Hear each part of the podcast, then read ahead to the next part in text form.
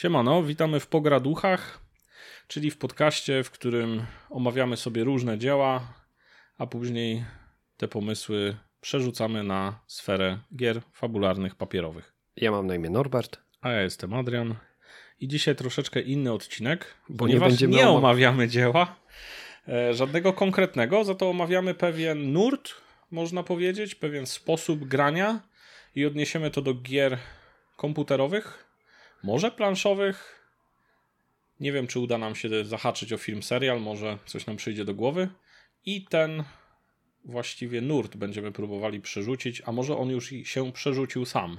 Tak, dzisiaj będziemy mówić o grach, zaczynając od komputerowych, ale poszukamy też e, w innych e, dziełach, o grach typu roguelike, o roguelite i trybach hardcore. Nie martwcie się, będziemy tłumaczyć wszystko, co to jest, bo to może nie być oczywiste. E, więc tak jak powiedział Adrian, dzisiaj wyjątkowo czujemy się już na tyle dojrzałymi twórcami, że stwierdziliśmy, że zerwiemy z naszą dotychczasową jakby pomysłem na to. Rutyną. Rutyną. Ale temat uderzył nas ostatnio e, bardzo mocno i my między sobą dyskutowaliśmy mm, na temat tych zjawisk, bo to nie są nowe zjawiska, ale mm, one mam wrażenie, że trochę zyskują na popularności, przerzucają się też na, na inne media. No ale o tym wszystko w drugiej części. E, bo całość odcinka, tak jak zawsze, i z tym nie zrywamy, będzie podzielona na dwie części. Pierwsza omówimy właśnie same te zjawiska, gdzie one występują, podamy trochę przykładów. Mm, będziemy się zastanawiać, dlaczego ludziom się to podoba i dlaczego to się rozwija. A w drugiej części odcinka będziemy mówić, co z tego zabieramy na pole RPGowe, co z tego już widzimy na polu RPGowym i w jaki sposób to po prostu wykorzystać przy swoich stołach. Standardowo zacznijmy od jednak zupełnie czegoś innego, czyli co u ciebie, Adrian? E, no, u mnie jest tyle, że właśnie na ten temat wpadliśmy przez to, że zaczęliśmy ostatnio eksplorować sobie temat trybu hardkorowego w World of Warcraft e, przy okazji tego, że Activision Blizzard udostępnił taką informację, że przygląda się temu trybowi i będzie próbował go wykorzystać na swoich oficjalnych serwerach klasycznych I z tego tytułu postanowiliśmy trochę poeksplorować ten temat. E, no i jakoś tak przyszedł temat na. Boże, temat, temat, temat. E, przyszedł pomysł na odcinek. Mhm. A, a poza pomysłami na odcinki, co tam u ciebie słychać? No niewiele się zdążyło urodzić, bo ten poprzedni odcinek to de facto jest niecały tydzień, tydzień wstecz. Mm, jestem w fazie przygotowań na nasz tygodniowy spływ rzeką Brdą. E, powoli, e, powoli przygotowuję jadłospis, e, znaczy właściwie Żaneta przygotowuje jadłospis, a ja, mnie jest oznajmiane jaki on będzie. Dokładnie tak. Więc jest taki delikatny przegląd sprzętu, już tak myśli gdzieś wędrują w tamtym kierunku i co jeszcze jest bliżej, okazuje się, że gdzieś tam myśli moje wędrują koło Imagikonu na który postaram się e, zawitać. Wiem, że ty będziesz na tak. Imagikonie, a ja do bardzo postaram się być. No tam mam jakieś zawirowania dalej w pracy, ale... Dzisiaj widziałem, że będzie prelekcja skały na temat prowadzenia. O. To, to trzeba tam być. To ja muszę być. To zdecydowanie. to, to, wiecie, no praca tam, dobra, nie zając, nie ucieknie, trzeba, trzeba pojawić się na Imagikonie. E, jeszcze nie myślę zupełnie o Toporiadzie, która się wydarzy miesiąc po. Na razie skupiam się na Imagikonie, ale znaczy skupiam się w sensie, zamierzam tam po prostu pojechać, dobrze się bawić. Mm, może uda mi się coś zagrać, może pogadać z ciekawymi ludźmi, bo w tamtym roku się udało. I po prostu pospędzać trochę czasu e, ze świrami ze świata RPGów i może nie tylko. I tyle. Spędzić trochę czasu ze znajomymi też pod namiocikiem. A u ciebie co tam? Znaczy, poza tymi rzeczami, które mamy wspólne, czyli czekanie na, na właśnie konwenty, ja trochę się martwię, ponieważ w dalszym ciągu jeszcze nie przyszedł mój hamak. Zobaczymy, jak to będzie.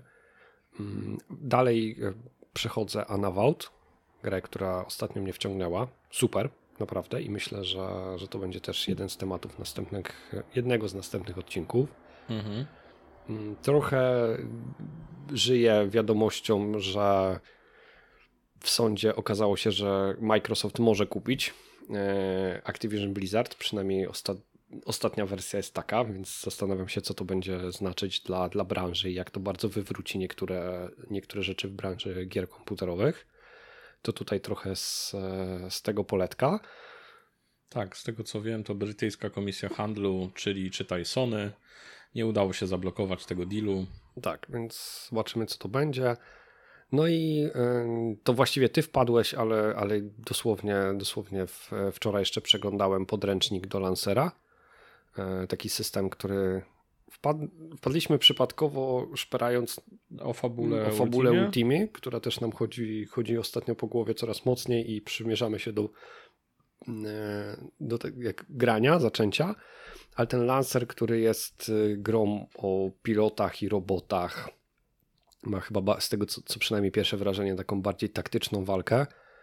E, kupuje mnie stylistyką, kupuje mnie pomysłem, czuję w nim potencjał, ale musiałbym przeczytać, żeby zobaczyć, czy, czy ten pomysł się broni w, no, mechanicznie. Znaczy ja nie wiem, jak dużego kalibru jest to pomysł, bo z tego, co tam e, czytałem, to chyba dwie osoby są odpowiedzialne za napisanie tego podręcznika. No ale 260 stron do ściągnięcia za darmo. Tak, tak i z tego, co widziałem, to tam jest chyba walka na heksach na mapie heksagonalnej, mm, co by sugerowało takie, no chociażby zauroczenie grami bitewnymi, zresztą tam, tam było coś takiego. Mnie się wydaje, że to wynika z Może być. Tak, może być. Dla, dla mnie no to jest takie, wiesz, no jak mam odnieść to do gamingu, to to jest takie front mission w grze fabularnej. Tak. Może się tak okazać. Tam jest jakiś pomysł taki, mm, że chyba te roboty są różnych e, firm, różnych korporacji i one wtedy mają jakieś tam inne statystyki czy coś, ale nie chcę też Państwa wprowadzać w błąd, bo na mm, razie chyba można je Tak, można je chyba modyfikować. Mhm. No i co? No dalej gramy w Hunta, bawimy się dobrze. Zobaczyliśmy co w pubie, jednej z gier, którą też przegraliśmy sporo. Znaczy w pubie to zobaczyliśmy tyle, że wyszliśmy. odpaliliśmy jeden I mecz i wyszliśmy. No.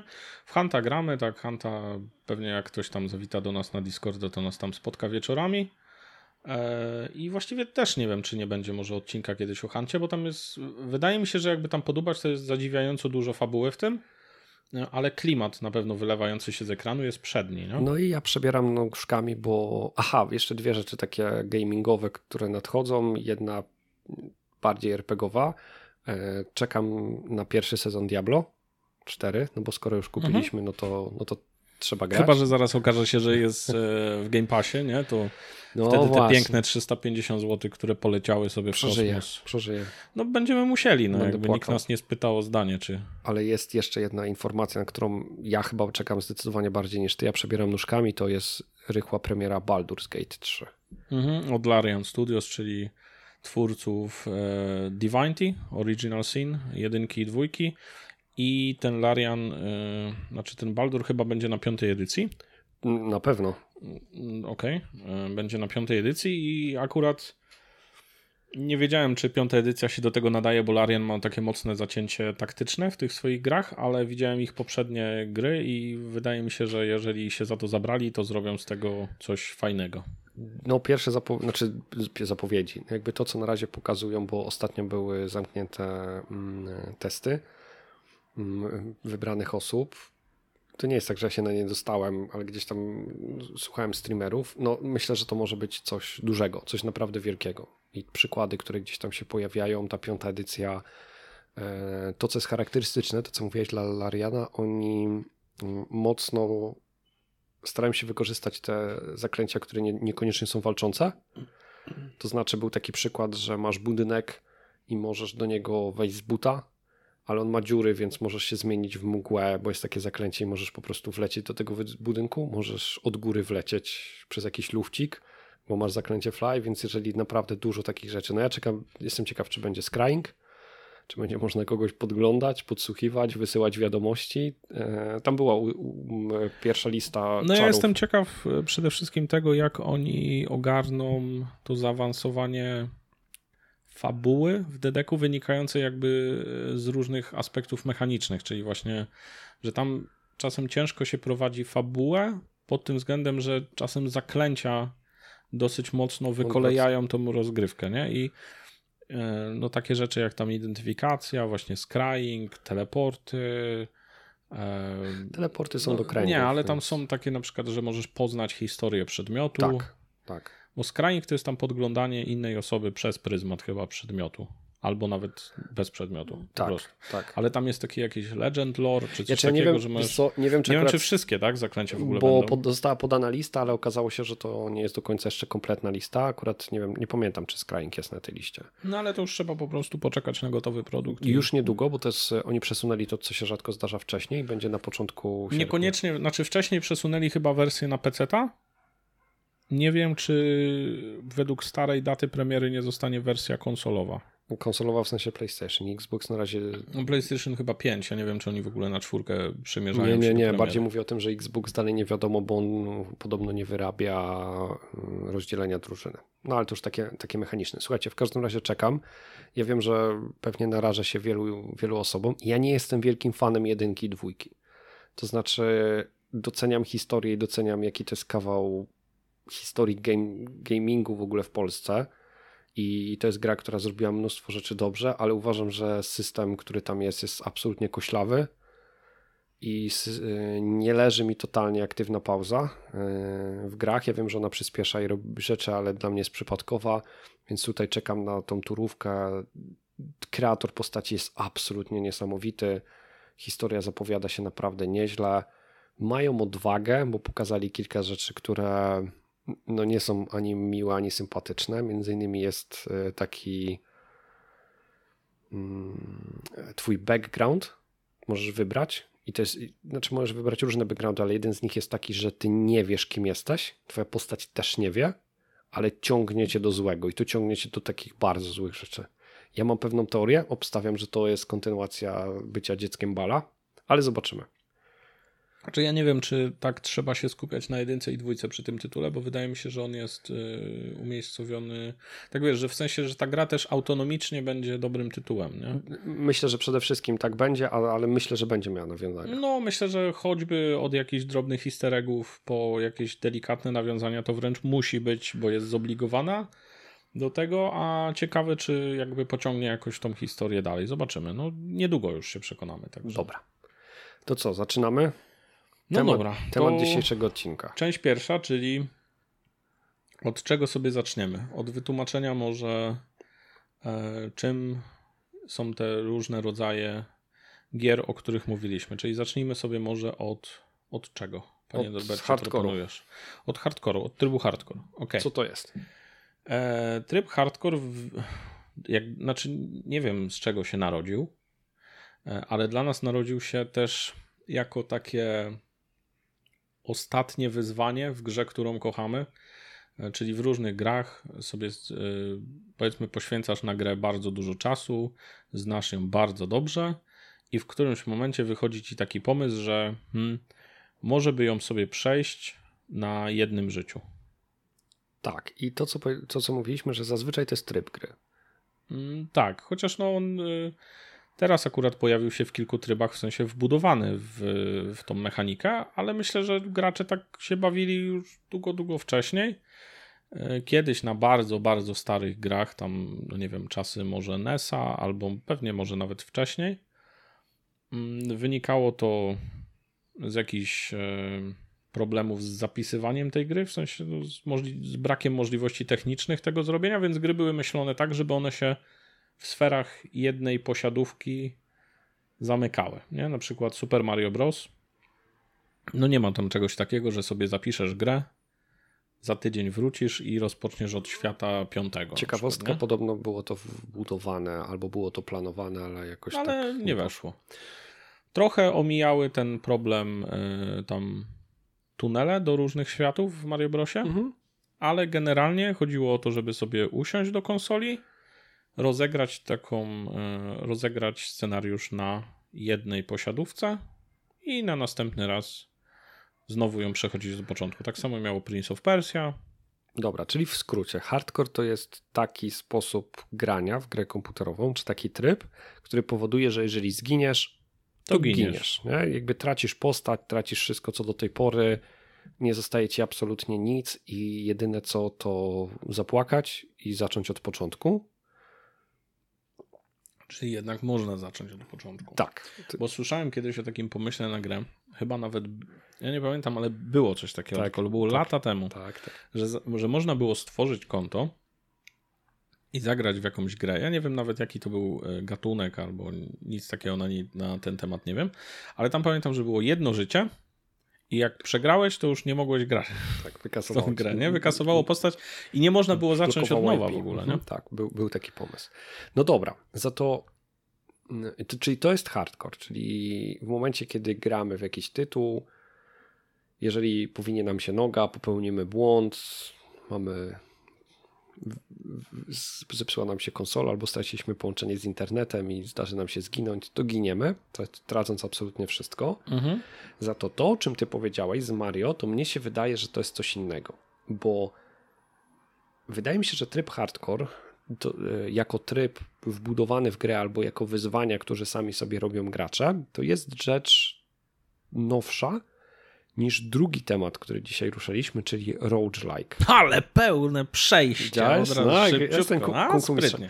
Dlatego, czyli że... chodzi ci o to, że roguelike jakby wynika z tego, że od początku ta mechanika jest wbudowana, a nie jak dopiero poznamy grę i sami sobie tak, to narzucamy. że to nie jest tryb i nie jest to opcjonalne wyzwanie, tylko gra jest z założenia skonstruowana w ten sposób, że po prostu grasz i jeżeli w cudzysłowie przegrasz, bo o tym też będziemy pewnie mówić, yy, czyli po prostu zginiesz, to zaczynasz od początku. Mario, o którym ty mówiłeś, no z założenia tam ma trzy życia, czy jak się miał na Pegasusa yy, z ryneczku od ruskich, to tam były tak, że miałeś 99, 99 no, czy coś 99. No to no koniec końców, jeżeli zginiesz i masz jeszcze życia, to zaczynasz level od początku, jak ci się życia skończą, to zaczynasz no to całą, grę. całą grę, nie? No okej, okay, to, ma, to ma sens to, co mówisz, czyli roguelike to jest taka gra, która nas uczy tych mechanik, w trakcie grania. W trakcie grania, w trakcie tego już trybu. I to jest dla mnie największa różnica, że grając, w, e, że, że hardcore to jest bardziej tak, że ja już znam tą grę, już jakby wiem o co tu chodzi, czuję się w niej pewnie i wtedy zmieniam sobie to na ostateczne wyzwanie. Co gracze pokazali, że to nawet nie jest ostateczne, bo można jeszcze więcej tam dorzucić. No ale w każdym razie podbijam sobie mega stopień trudności. Takie high risk, high reward. I jakby to wywodzi się z innego rodzaju, wywodzi się jakby ze starszych jeszcze gier, czyli takich gier, które no tak były skonstruowane, że, że ty od początku grałeś w ten sposób. Okej. Okay. No dobra. I teraz. No to to są różnice. To co jeszcze możemy na ten temat powiedzieć? Czyli, czyli zabawę de facto czerpiemy z grania w roguelike'i yy, przez uczenie się tej gry? Mm, tak, to znaczy to jest tak. Jeszcze chciałbym słowo do tej genezy i, i zaraz Jasne. do tego. To, co powiedziałeś, i to jest warte podkreślenia, że kiedyś te gry były takie, bo wynikało to z ograniczeń sprzętowych. My znaczy, Tak mi się wydaje, tak strzelam. Pewnie, pewnie, pewnie jest to w miarę celny strzał. Ale, ale tak, taka była też ideologia pewnych mhm. takich najprostszych gier, że my siadamy bawiąc się w określonym powiedzmy czasie i w momencie, kiedy wyłączamy konsolę, to zostaje z nami ten miło spędzony czas, te emocje, które temu towarzyszyły, a, a nie do końca jakby progres gry. Ten progres zostaje w naszej głowie i w naszych umiejętnościach, to co powiedziałeś, że my uczymy się tej, tej gry. Mhm. Później pojawiły się różne sposoby zapisywania, czy to przez kody, czy przez właśnie zapisywanie konkretnych plików. No i gry stały się dłuższe, przez to niemożliwe było jej przejście na raz. Zaczęły być też trudniejsze, więc nie chciały jakby cofać dziesiątek albo setek godzin progresu graczy, bo większość by się bardzo irytowała. Więc była możliwość jakby tego, że jak zginę, to jakby mogę się odrodzić, cofnąć jakieś tam save pointy różnego rodzaju. I w którymś momencie zatoczyliśmy koło i powstał pomysł hardkoru, czyli jednak dobra, wiemy, że ta gra nie jest do tego powiedzmy napisana nie jest przystosowana, ale mimo wszystko chcemy spróbować przejść to na, na jednym życiu jako wyzwanie, jako udowodnienie sobie, jak jestem dobry, jako, nie wiem, sprawdzenie się w ukochanej grze, to co powiedziałeś. No i to jest clue, czyli my uczymy się gry. Uczymy się jakby wykorzystywać każdy jej aspekt, czasami wręcz oszukując, eksploitując, ale to jest jakby podstawa samego tego grania, czyli nie sprzęt, który zbierzemy w tej grze, nie jakby level, który tam nabijemy, ale najważniejsze są nasze, nasze umiejętności, grania po prostu w ten tytuł i nasza wiedza. Okej, okay, okej, okay. no ale to jest tryb hardcore, czyli najpierw się uczymy gry w bardziej przystępnych warunkach, a później z tą całą wiedzą siadamy już do takiego Ultimate Challenge, czyli ostatecznego wyzwania, czyli przejdziemy to wszystko na raz, na, na jednym życiu w sensie. Tak. E, a roguelike'i trochę w mechanice mają nauczanie nas przez ten cykl śmierci mhm. i tutaj e, jest ta zmiana, znaczy tutaj akurat te tryby są dosyć podobne do siebie, właśnie one różnią się głównie przez to, że w roguelike'u jednym e, z elementów nauki gry jest właśnie to, że umieramy i tam de facto zbyt wiele nie wyciągamy poza właśnie tą wiedzą na temat tej rozgrywki. Znaczy na pewno gry roguelike są dla mnie nie chciałbym powiedzieć trudniejsze, ale na pewno dłużej wymaga, żeby się ich nauczyć, no bo załóżmy, że mam jakieś wyzwanie, które jest po 10 godzinach gry. Ja najpierw muszę 9 godzin gry przejść, przejść, mam 10 godzinę gry, zrobiłem jakieś podejście, jakąś strategię przyjąłem i się okazało, że ona się nie udała, więc tak, żeby ja... spróbować znowu, to mogę spróbować najszybciej za 10 godzin. Dokładnie. W hardkorze jest tak, że ja mogę sobie grając na softkorze, czyli takim norm, powiedzmy normalnym trybie, mogę sobie dojść do tego momentu, przetestować wszystkie strategie, aha, dobra, nauczyć się tej najlepszej, i jakby tą naukę po prostu przenieść na, na ten tryb e, hardkorowy e, i zrobić już strategię, którą mam przetestowaną gdzie indziej. Okej, okay, okej, okay. no ale czy jakiś tryb jest nadrzędny? W sensie oba Oba te tryby moim zdaniem skupiają dosyć e, szeroką publikę, bo jakby roguelike'i to jest właściwie cała gałąź game devu. Która się teraz e, od jakiegoś czasu od jakiegoś super czasu rozwija. Roguelike'i, te, właściwie wydaje mi się, że roguelite'y się rozwijają jakby relatywnie krócej, w sensie teraz zostało. Mhm. Kiedyś roguelike'i takie bardziej hardkorowe, że właśnie tylko wiedza nam zostaje z tej gry. Roguelite'a zaraz też wytłumaczymy o co tu chodzi. E, a hardcore, no hardcore to dopiero, znaczy on w pewnych grach był od zawsze, ale ten tryb nie miał aż tak druzgocącej e, popularności i mam wrażenie, że przez ostatnie jakieś tam e, zawirowania wokół, wokół tego World of Warcraft i jakby całej tej takiej rzeszy streamingowej, nagle może się okazać, że zaczną może nawet powstawać gry z myślą o takim trybie znaczy, no to będą, to będą roguelike'i tak. wtedy, nie? Ale jakby... Znaczy, no właśnie, pytanie, czy, czy albo zaczną wchodzić gry z trybem hardcore wbudowanym, nie? Bo takich gier de facto one były z jakichś tam różnych serii e, ten tryb się zawsze pojawiał, ale tych gier nie było zbyt dużo. No dobra, właśnie, no to może, może takie rzeczy, które my graliśmy, nie chcę powiedzieć, że polecamy, ale takie, z którymi jesteśmy zaznajomieni, zaznajomieni Jezu, trudne słowo sobie wybrałem, e, które możemy tutaj polecić. Trochę jestem też ciekaw, jeżeli wy macie jakieś ulubione gry, to, to możecie dać, bo ja się coraz bardziej przekonuję do, do tego trybu. Pierwsza rzecz, która przychodzi mi do głowy, ale nie z racji tego, że grałem to najdawniej, ale dlatego, że to jest chyba kawał historii, to jest Adam. No tak, ale nie lubię tej gry, bo jest brutalna, nieuczciwa i w ogóle można się przy niej co, ona jest, jest uczciwa, ale ona też pokazuje, że, że nawet ten rodzaj gry jednak przeszedł pewną ewolucję. Ona i tak teraz jest bardziej dostępna, bo jest w wersji graficznej, bo kiedyś mhm. ona była... Kiedyś była tekstówką właściwie, albo na znakach tekstowych. Na znakach. Na Grafika znakach, wynikała tak, ze znaków tak. tekstowych, tak. tak. Yy, czyli to jest właśnie taka gra, gdzie jesteśmy no, bohaterem, powiedzmy. Yy, ona jest morderczo trudna. Mhm. I, I to jest taka gra. Ja też za nią nie przepadam. Uważam, że, że w tym gadunku są. Możliwe, że są nie lepsze. poświęciliśmy wystarczająco dużo czasu, bo ona tam lata, lata zdobywała tam popularność i tam jakieś rzesze graczy e, przy tym roguelike'u akurat spędziło sporo czasu.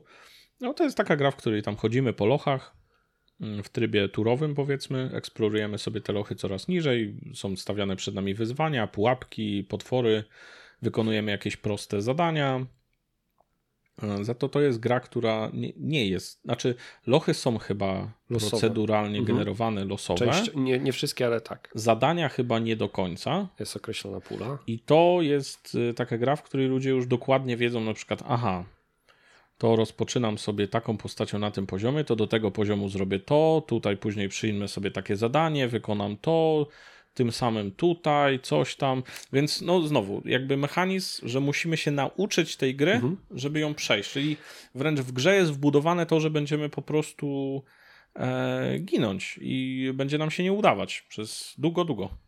Dobra, to jakich graczy przyciąga, to zaraz sobie jeszcze powiemy. A co jeszcze? Jeszcze jakie przychodzą ci... Mm, z roguelike'ów e, grałem też w Don't Starve'a. Jezu, to jest super gra.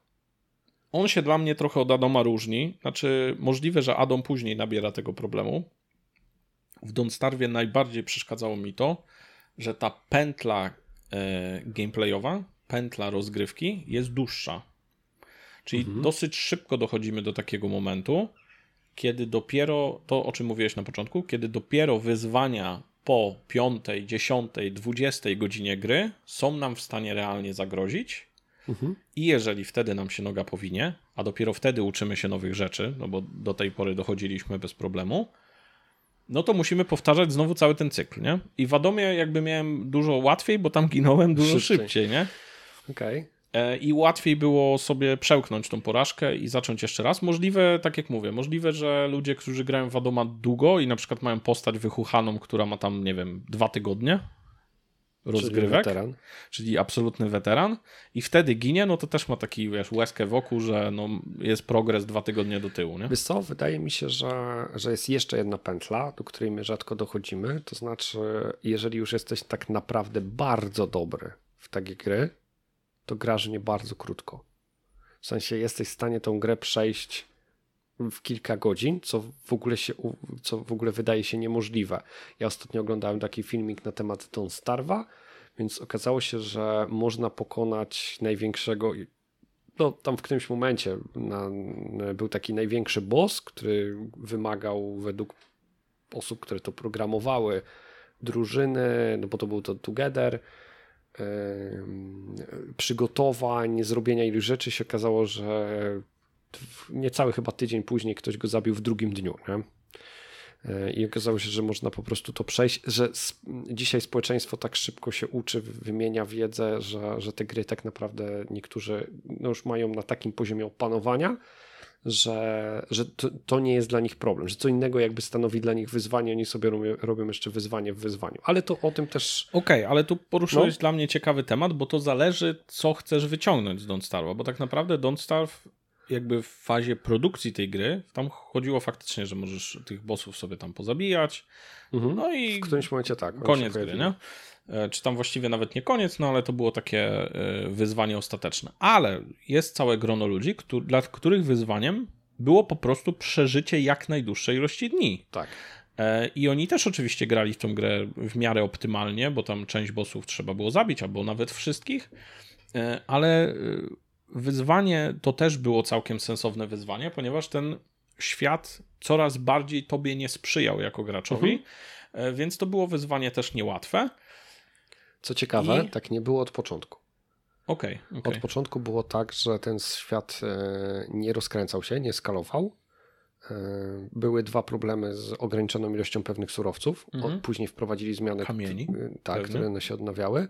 I ten pomysł na te houndy, które cię tam atakują w coraz I, większej ich ilość się zwiększa. To, to, też, to też weszło później. Ale okay, to okay. weszło dlatego, że właśnie gracze w którymś momencie, społeczność, która grała, doszła do takiego powiedzmy mistrzostwa, że ta gra przestawała być dla wyzwaniem. nich wyzwaniem. Mało tego, doszli do tego, że bardziej się opłaca siedzieć cały czas w bazie i jakby po prostu nic nie robić, bo ona była samowystarczalna. Dobra, czy jeszcze jakiś, jakiś przykład? E, no cóż, taki stary przykład z naszej historii dzieciństwa, czyli Diablo. Diablo chyba zawsze... E, Jedynka? Nie pamiętam, jedynka miała tryb? Jedynka nie miała. Yy... Znaczy, my też mamy trochę skrzywione to poczucie, yy, bo my graliśmy w pierwszą wersję Diablo, ale nie na yy, PC-cie. Tylko na konsoli. Tylko na konsoli, gdzie jakby ta gra była portowana przez firmę Sierra, jeśli dobrze uh pamiętam, i ona zawierała trzy tryby, trzy poziomy trudności. trudności, które dopiero weszły w dodatku do Diablo na komputer.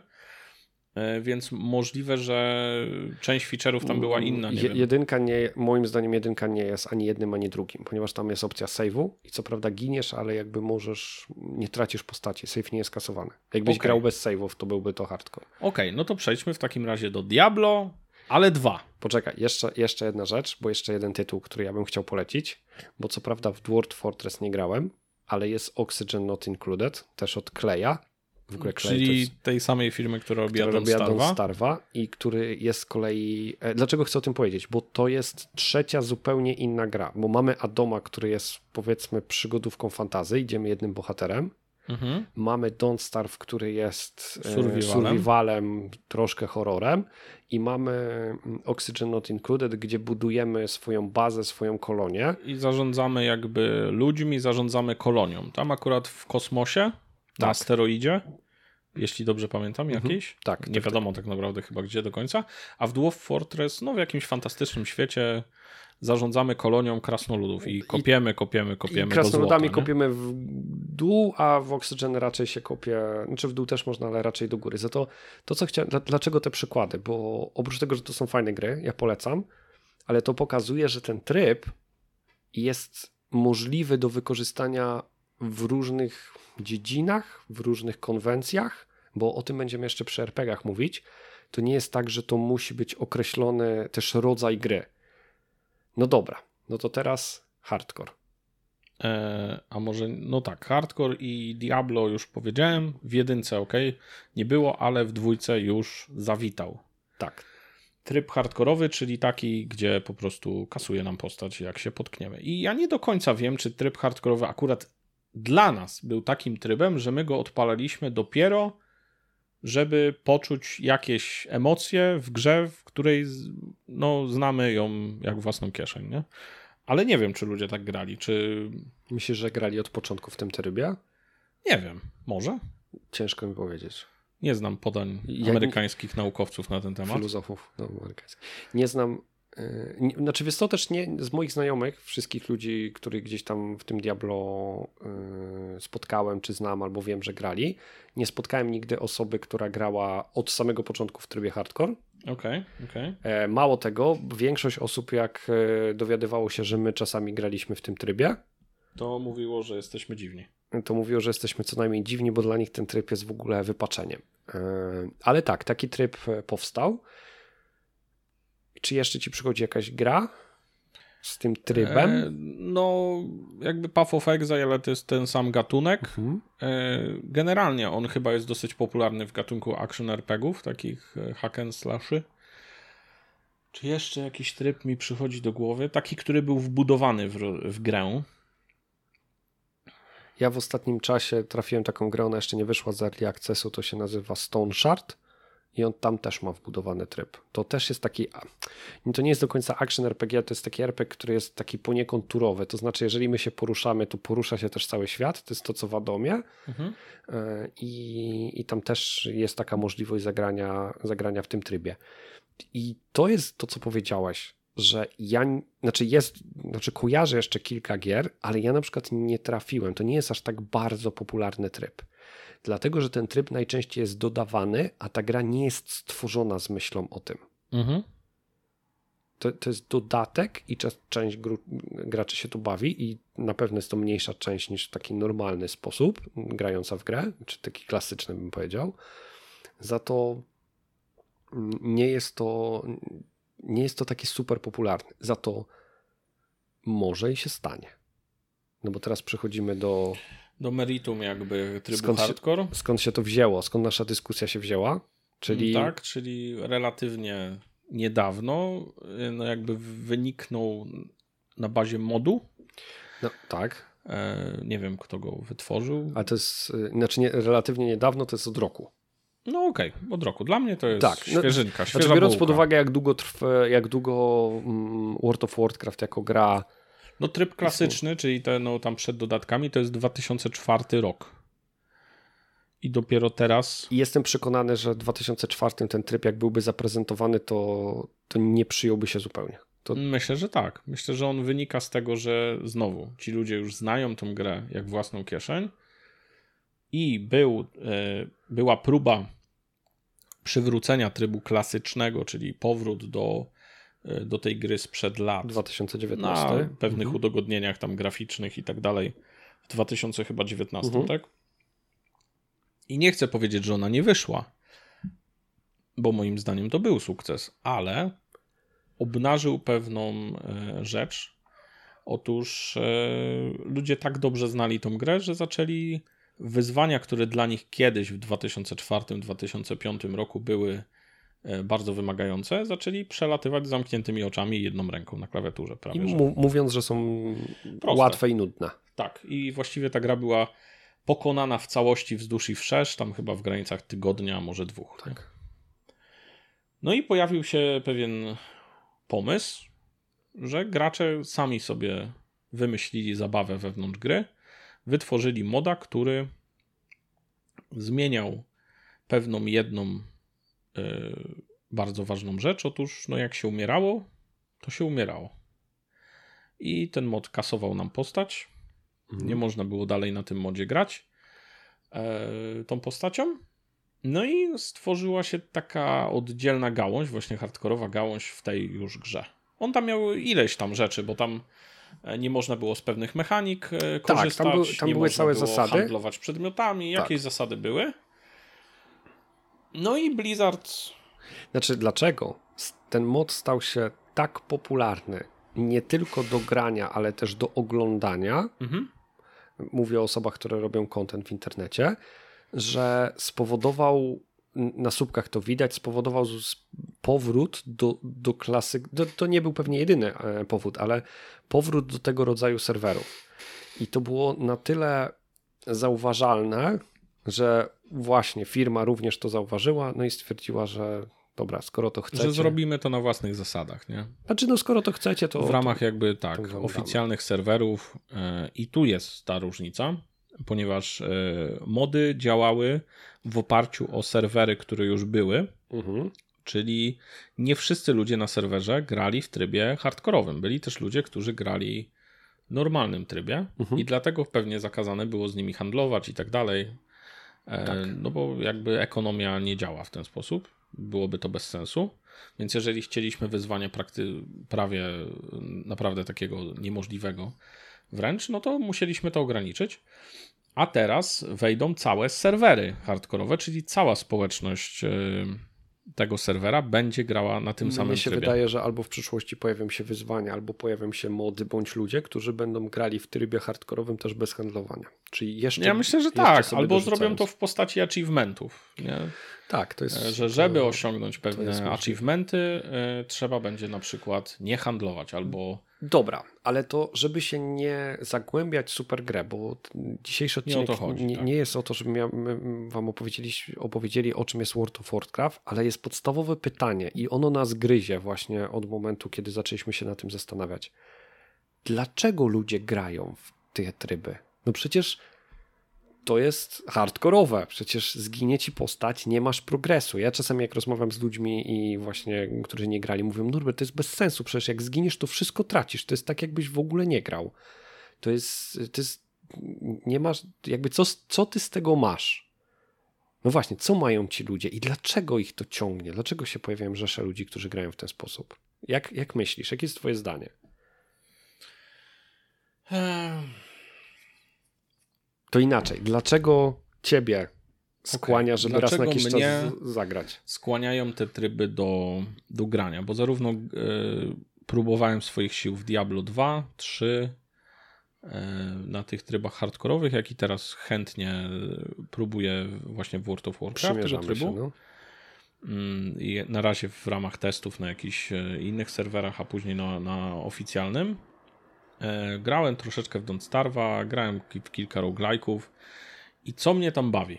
Mm, bawi mnie, dla mnie to jest takie bardzo pierwotne, bardzo łatwe do wytłumaczenia, bo tracimy jakby, tracimy całą postać, cały progres, który się z tym wiąże, poza ewentualnie wiedzą, tu i tak jest super, nie? To nie jest jakby śmierć w prawdziwym życiu, że w ogóle nie możemy podejść drugi raz do tej rozgrywki, ale właśnie w tych kategoriach jest to pierwotne i łatwe do przełożenia na emocjonalny grunt, że bardzo szybko w sytuacjach stresowych pojawiają się bardzo duże emocje z tym związane, żeby tą postać utrzymać przy życiu. Okej, okay, czyli to jest kwestia emocji. Dla mnie tak. I jakby ta adrenalina płynąca z prostych wyzwań, które gdzieś tam nie idą po naszej myśli i e, ta postać zbliża się do, do swojego kresu, powoduje, że mnie to przyciąga.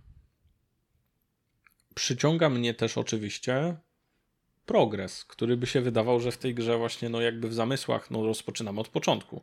No otóż nie do końca, no bo zaczynamy z nową wiedzą, czyli już ileś godzin tej rozgrywki mamy w miarę obcykane, czy optymalnie obcykane, to się dopiero okaże, ale możemy tą wiedzę od razu przy następnej rozgrywce zastosować.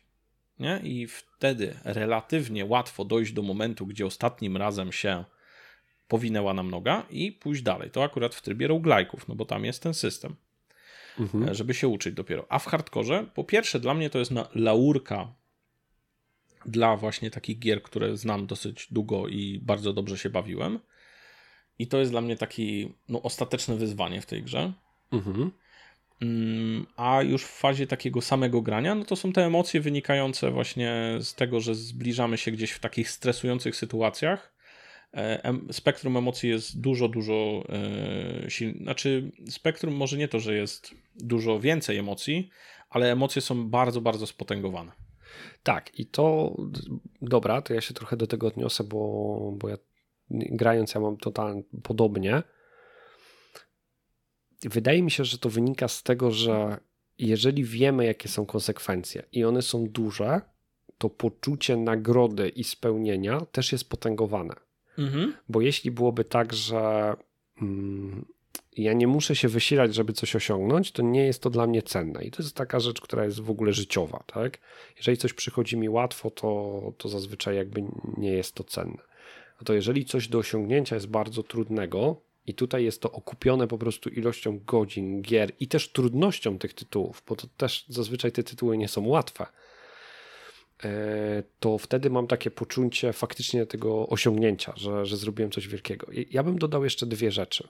Pierwsza rzecz, taka egoistyczna, no nie ukrywam, że jest to łechtanie mojego ego. Jeżeli przejdę grę w takim trybie, to mam takie poczucie, że no ja już jestem dobry. To już, to, to już jest takie, tak jak mówiłeś, takie ostateczne wyzwanie, nie? że przejście gry normalnie i nie wiem, wszyscy znajomi moi też przeszli gry normalnie, ale jak ja przejdę na hardkorze, to mogę powiedzieć, słuchajcie, no to jest jakby poziom wyżej, nie? Jakby jestem po prostu lepszy. No, jakby strasznie to brzmi, okay. ale, ale łechcze to okay. moje ego.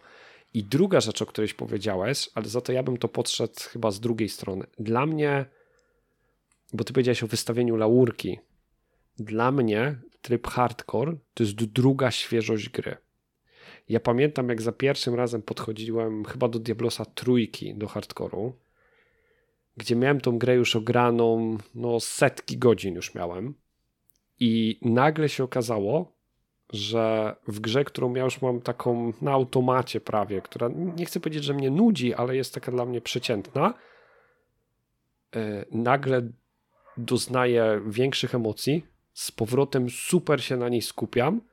Małe rzeczy zaczynają mnie z powrotem bawić, które kiedyś były jakby po prostu normalne, to teraz to jest dla mnie wydarzenie wow. No i pamiętam, że za pierwszy raz, jak dostałem taką bułę, która mnie sprowadziła do dosłownie tam 3% życia, no to adrenalina, która mi wtedy uderzyła, jest, jest niesamowita. I dla mnie to jest jakby wtedy grę, którą już miałem rozegraną na dziesiątki sposobów i setki godzin, z powrotem wróciła do mnie ta magia, więc dla mnie, dla mnie to jest druga nowość i to jest na przykład coś, co dlaczego czekam na, na World of Warcraft, bo myślę, że to może być spojrzenie na. To też jest. To druga młodość to jest jedna, ale też spojrzenie na tą grę w inny sposób. Dla mnie to jest trochę e, inny sposób na optymalizację tego wyzwania. E, w sensie na przykład grając w World of Warcraft e, na trybach normalnych, często gęsto pojawiał się taki problem, że część jakby z, z przygotowanych przez twórców dla nas wyzwań pomijaliśmy, że, bo się nie opłacało tego robić, w sensie... Czasowym się nie opłacało. Czasowym, tak. Że mogliśmy przeskoczyć sobie A i tam jedne lochy, drugie, pójdziemy od razu na trzecie z kolei i tam y, zdobędziemy sprzęt stamtąd, jakby oszczędzimy sobie trochę mhm. czasu. No i w hardkorze to nie działa za dobrze, bo no, no bo zginiesz. Bo zginiesz. Więc... Y to wydłużenie rozgrywki poprzez, e, poprzez to, że każdy progres tutaj ma znaczenie, choćby podniesienie mhm. jakiegokolwiek przedmiotu na troszeczkę lepszy, e, powoduje dla mnie taką świeżość, że po pierwsze, mimo że o tej grze wiem całkiem sporo, chociaż nie jakoś wielce dużo, to czuję się znowu jak laik w pewnym momencie i znowu mam ten czar poznawania tej gry w pewnym aspekcie, no bo niby wiesz o niej wszystko, ale nigdy nie pod tym kątem nie myślałeś, nie? żeby jakby optymalizować na przykład nie zadawane obrażenia, tylko to, żeby no nie mhm. dostać w ciry, nie? Więc y, pod tym względem czuję się jak świeżak i to jest bardzo takie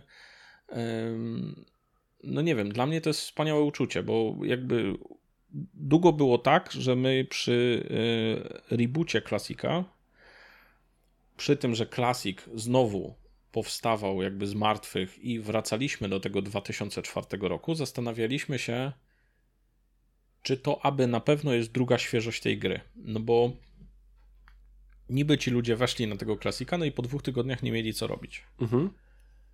No i teraz nie za bardzo da się oduczyć teraz społeczność wszystkiego, co wiedzą na temat tej gry. Ale tryb hardcore spowodował, że znowu możemy mieć trochę podobne odczucia, że, u, że jakbyśmy się, tak. przechodzili to po raz pierwszy. Bo przechodzimy dzieło, które znamy bardzo dobrze, ale nigdy nie przechodziliśmy go w ten sposób. Tu się zgadzam.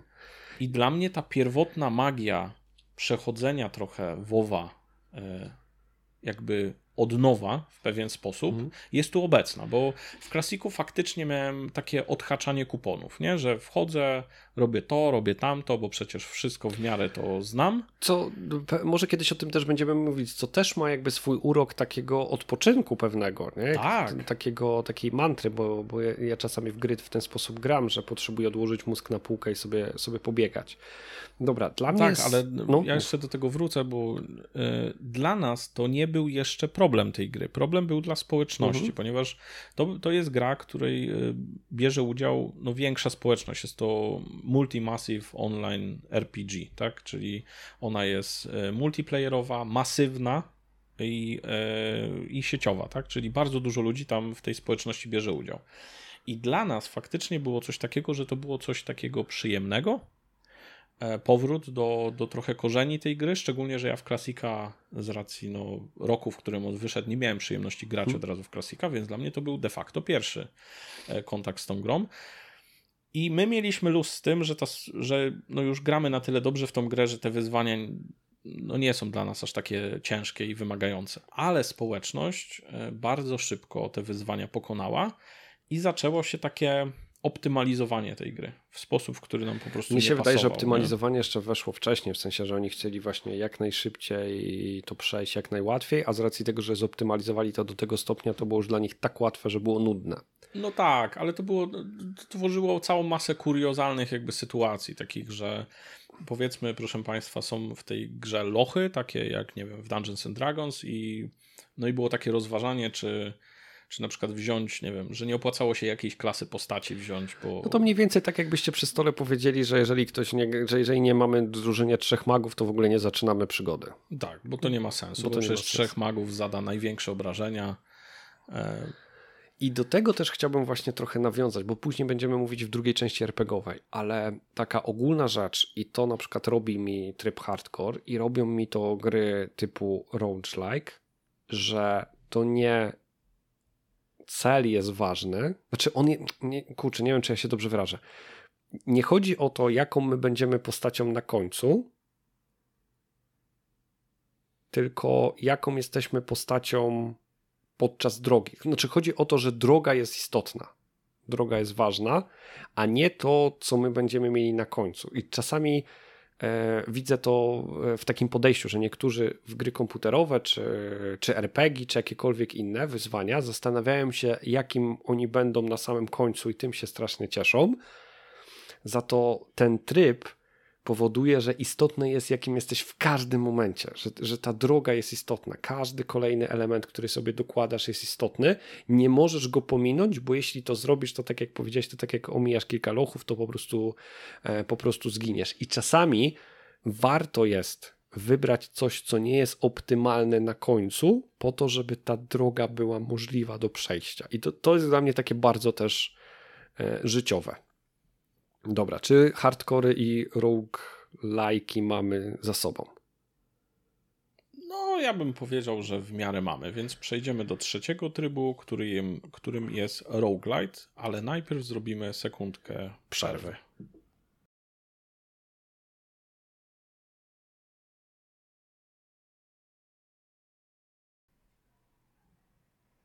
Dobra, mieliśmy sekundkę przerwy, bo były jakieś problemy techniczne, ale my wracamy do tematu. Bo my się cały czas też uczymy nowego sprzętu, więc prosimy o, o wybaczenie. Miejmy nadzieję, że już takich technicznych będzie coraz mniej. Do Nie tematu. udawajmy, problemy techniczne będą cały czas. Tak będzie. Dobra, e, roguelite'y, czyli... Trochę roguelike'i. A trochę nie. A trochę nie, czyli co to właściwie jest? To jest właściwie taki roguelike, czyli on znowu w mechanice rozgrywki ma wpisaną naszą śmierć do nauki gry. Mhm z tą różnicą, że część progresu, nie tylko ta wiedzowa o tej grze, nam zostaje. I to jest główna różnica. Jakiś przykład, co nam może zostać? E, tak, na przykład e, powiedzmy eksplorujemy e, lochy w ramach, nie wiem, jakiegoś tam sieczenia goblinów, ale robimy to z jakiegoś z miasteczka na przykład. Mhm. Schodzimy z miasteczka do lochów, orzemy sobie tam w lochach, zdobywamy skarby i tak dalej. I później jak giniemy, to wracamy z powrotem do tego miasteczka, zupełnie nową postacią, gołą i wesołą, ale na przykład pieniążki z tego, e, z tego e, naszej wyprawy do lochów nam zostały. No i możemy je spieniężyć sobie, y, wydać je sobie w wiosce, na przykład kupując wyposażenie, kupując na przykład jakieś nowe zaklęcia, albo rozbudować jakiś domek, nie wiem, kowala mhm. i schodzimy z powrotem do lochów, y, robiąc to samo. Nie? Ale już wchodzimy mocniejszą postacią. W pewien sposób tak, no bo na przykład wchodzimy z nowym sprzętem, albo wchodzimy i ten kowal, którym kupiliśmy chatkę, teraz nam, nie wiem, będzie kół przedmioty, nie? Albo zawsze mamy już jakąś nową umiejętność e, na starcie, bo tak. wcześniej ją zdobyliśmy. Ok, czyli trochę się uczymy gry i to nas jesteśmy coraz lepsi, ale też trochę nasz, nasza postać jest coraz lepsza, bo ona się jakby rozwija. Tak, w pewien sposób progresujemy, rozwijamy też ten świat gry, żeby nam z każdym e, ranem, z każdym wyprawą, z każdą wyprawą było troszkę łatwiej. Dobra, i dla mnie na przykład to są gry, które są tak, tak jak mówiłem, tak pomiędzy, czyli jednak zaczynamy od początku, jednak dalej mamy pewną cofnięcie, ale nie takie całkowite i mamy jakieś takie poczucie ogólnego progresu, nie tylko naszych umiejętności. A ja bym powiedział, że to jest najtrudniejszy odłam tych trzech gier, ponieważ on ma wręcz wpisane to, że musisz wyprogresować, rozwinąć tą na przykład hipotetyczną wioseczkę do tego stopnia, żeby te lochy były dla ciebie zjadliwe. I oczywiście są tacy gracze, którzy przechodzą to na jednym życiu, ale dla mnie potencjalnie te gry na starcie są najtrudniejsze. Bo okay. one już w ogóle mają wpisaną mechanikę, nie tylko, że ty się nauczysz tej gry, ale że w ogóle ileś tych wypraw zrobisz i rozwiniesz tą wioskę do pewnego Dobra. stopnia, żeby przechodzić dalej.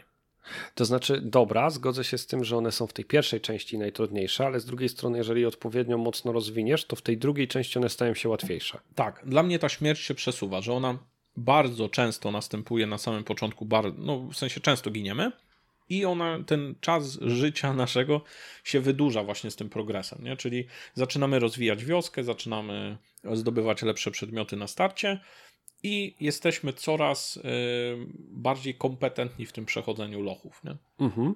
Czasami nawet w tych grach jest tak, że my zdobywamy pewne rzeczy, które pozwalają nam przechodzić tą grę inaczej. To znaczy, zdobywamy jakieś inne bronie, zdobywamy inne klasy, zdobywamy właśnie inne umiejętności, i one powodują, że sposób przechodzenia zmienia się. To znaczy, na początku mamy jakąś tam jedną strategię, a później możemy ją trochę dostosować do tego albo jak lubimy, albo jak jest najbardziej optymalnie i nagle się okazuje, że i to, to, to, to dla mnie jest wyróżnik, bo to nie wszystkie gry tak mają, ale to jest dla mnie wyróżnik tych, które ja lubię, czyli to, że ta e, rozgrywka mimo tego, że przechodzimy cały czas to samo, to nie jest powtarzalna, dlatego że to inaczej wygląda, bo albo my inaczej działamy, albo te lochy trochę się zmieniają, więc to jest super. Czasem ten progres też wynika nie, nie z tego, że my na starcie na przykład rozwijamy daną wioskę, to uczepmy się tej hipotetycznej wioski, ale zwiększamy na przykład pulę przedmiotów, które y, no, mogą nam wypaść w tych lochach. Że, że no, powiedzmy, na początku może nam wypaść w lochu miecz i topór, ale jak znajdziemy raz w Dobra. tym lochu maczugę, to on już od tego momentu, czy tam jak wykupimy sobie w tej wiosce możliwość znalezienia Dobra. maczugi, tak. to on już od tej pory ta maczuga będzie możliwa do znalezienia w lochu. I przez to, przez to czasem jakby ten gameplay się zmienia, w sensie nowe e, rozwinięcia postaci niedostępne na samym początku, mhm, później rozumiem. dopiero pojawiają tak. się dostępne. Dobra. No i rozumiesz o co mi chodzi, że tak. dlatego uważam, że to jest trudne, że nawet część elementów rozgrywki masz zablokowane za tą ścianą, że musisz je pierwszy raz na przykład musisz wykupić, zginąć. albo tak, musisz zginąć. Trochę, no spotkałem się z takimi grami tak. i oczywiście znowu, są ludzie, którzy przechodzą to na jednym życiu, już az azjatyckie dzieci, wiadomo, ale y, z reguły jest tak, że y, mechanika śmierci jest w te, w te gry wpisana. Dobra, teraz jak powiedziałeś, to mi się przypomniała kolejna gra, którą uwielbiam. Dobra, no właśnie, bo czy my mamy jakieś takie gry tego typu, czy ty masz jakieś takie gry tego, tego typu, które ty lubisz? E, no i mnie, szczerze mówiąc, i mi ukręcisz za to web, ale mnie Hades nie usiadł, wiem, że to był bardzo głośny tytuł i w ty niego zagrywałeś ja się strasznie. E, do tej pory się, to jest fascynujące, bo, te, bo my mamy bardzo podobny gust. Nie we wszystkich grach, ale w dużej ilości i zastanawiam się, jak to się stało, że ci nie usiadł. Za to jest totalnie odwrotnie, a propos tych gier, ponieważ mnie nie usiadło Roach Legacy, który ty przeszedłeś. Ja przeszedłem, no. I mnie na przykład totalnie odrzuciło. Znaczy, może nie totalnie, ale ja pograłem i nie, no nie, nie dla mnie. I te, zastanawiam się, gdzie są te drobne różnice, że tobie się to podoba, a mnie nie. Znaczy w Roach Legacy mnie się nie podoba, bo jestem strasznie słaby w sensie okay, zręcznościowo, zręcznościowo, ale Hades też jest zręcznościowy, a byłem w stanie się przemóc. Wiesz co, ja mam wrażenie, bo, bo wszystkie te gry, które mi polecasz są z reguły bardzo dobre, w sensie bardzo wysoko też oceniane i uznane przez no tam i graczy i krytyków, ale ja mam czasami takiego małego demona, który we mnie siedzi i mówi Norbertowi się to podobało? To mnie na przekór wszystkiemu nie będzie się to podobało. Nie? Co? Ja, ja mia... Hadesowi chyba nie dałem po prostu wystarczająco dużo czasu, żeby mnie e, łyknął. I tak samo miałem dwójka, z Hollow Knightem. Dwójka wychodzi, dwójka wychodzi, więc będziesz miał szansę. Ja kiedyś tak miałem, że właśnie jak mainstream mówił, że coś jest ok, a ja na przykład nie lubiłem tego rodzaju gier, to mówię, a nie dla mnie, ale coraz bardziej się słucham i znajduję takie perełki nawet w tych y, rodzajach gier, których ogólnie nie przepadam, bo Hades to nie... Znaczy Hades to akurat jest dla mnie trochę jak Hack Slash, ale e, powiedziałeś o Hollow Knightie i to są gry takie zręcznościowe, których ja ogólnie nie lubię, no ale on mnie kupił.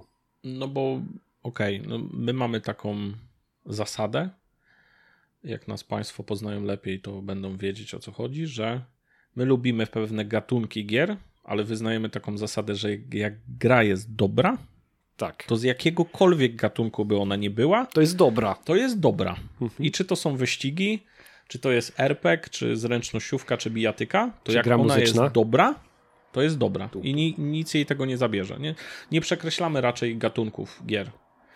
No dobra, to na razie mi powiedziałeś, że Hades ci nie usiadł. A co ci usiadło?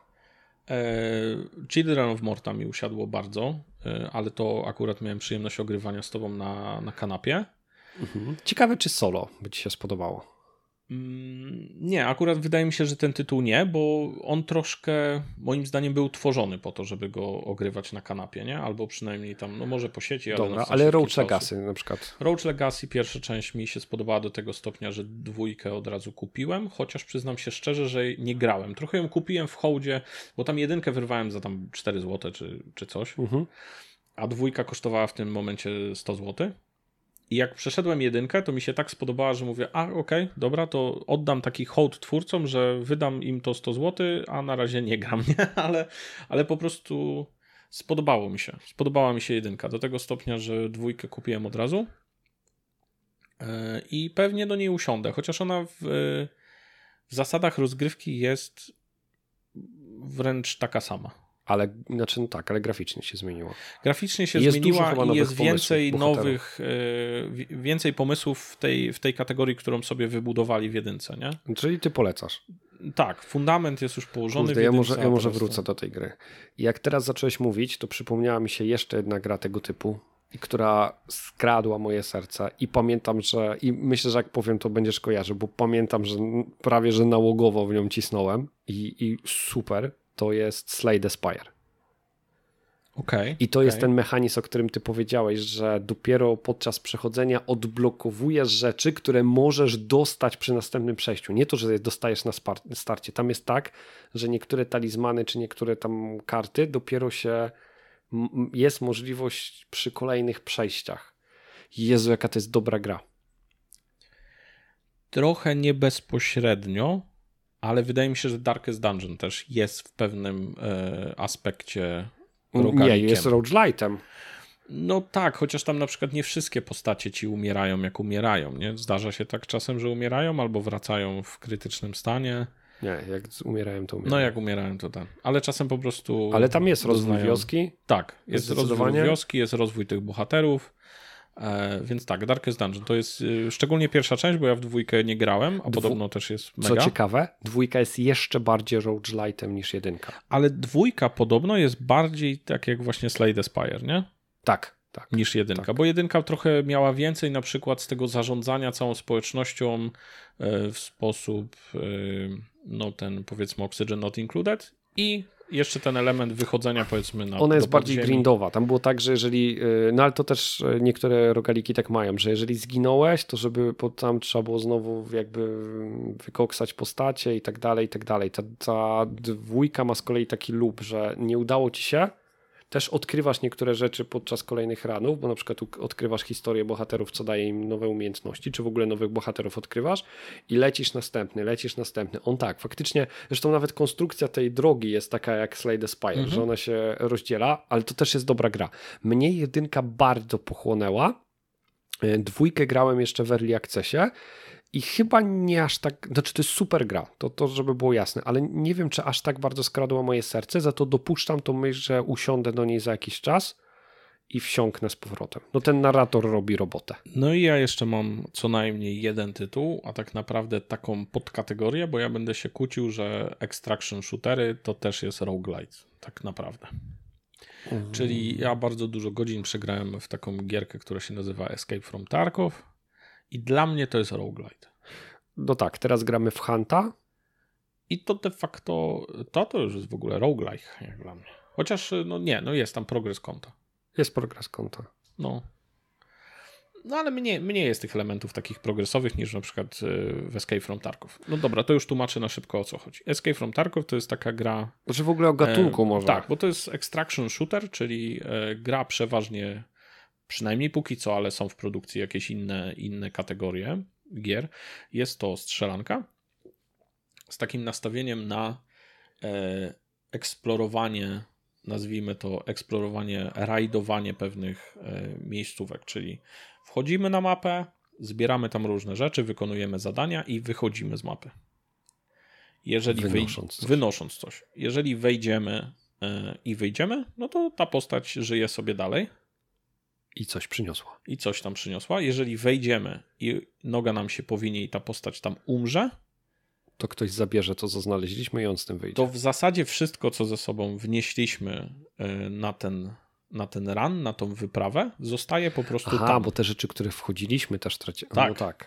I to jest ten element, nie? Ale z drugiej strony to, co wynosimy, odkładamy na tą naszą kubkę skarbca, jak smoczy skarbiec i z nich coś tam robimy. Na przykład sprzedajemy i za zarobioną gotówkę możemy kupować sobie sprzęt, może coś, bo mamy też element jakiejś bazy, przynajmniej teraz, e, i tam na przykład możemy sobie amunicję ukręcić jakiegoś lepszego rodzaju, albo broń zrobić, albo coś mhm. tam, nie?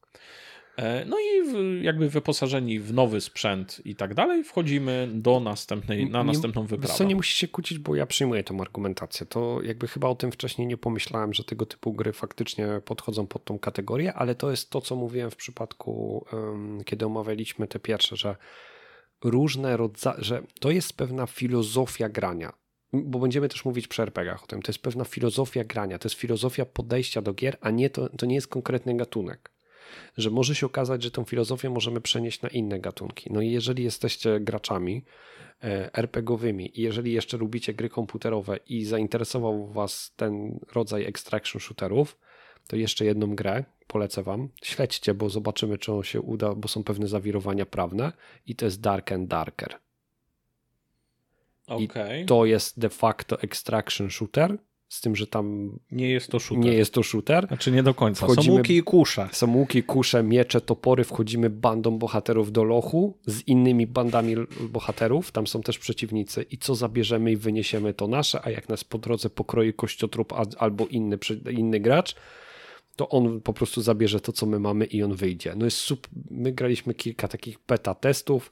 Było super emocjonująco Gra na razie ma pewne prawne problemy i zawirowania, to nie będziemy w to wchodzić, ale e, zresztą e, twórcy też nie ukrywają, jak bardzo czerpali inspirację z Dungeons and Dragons, więc tak. To...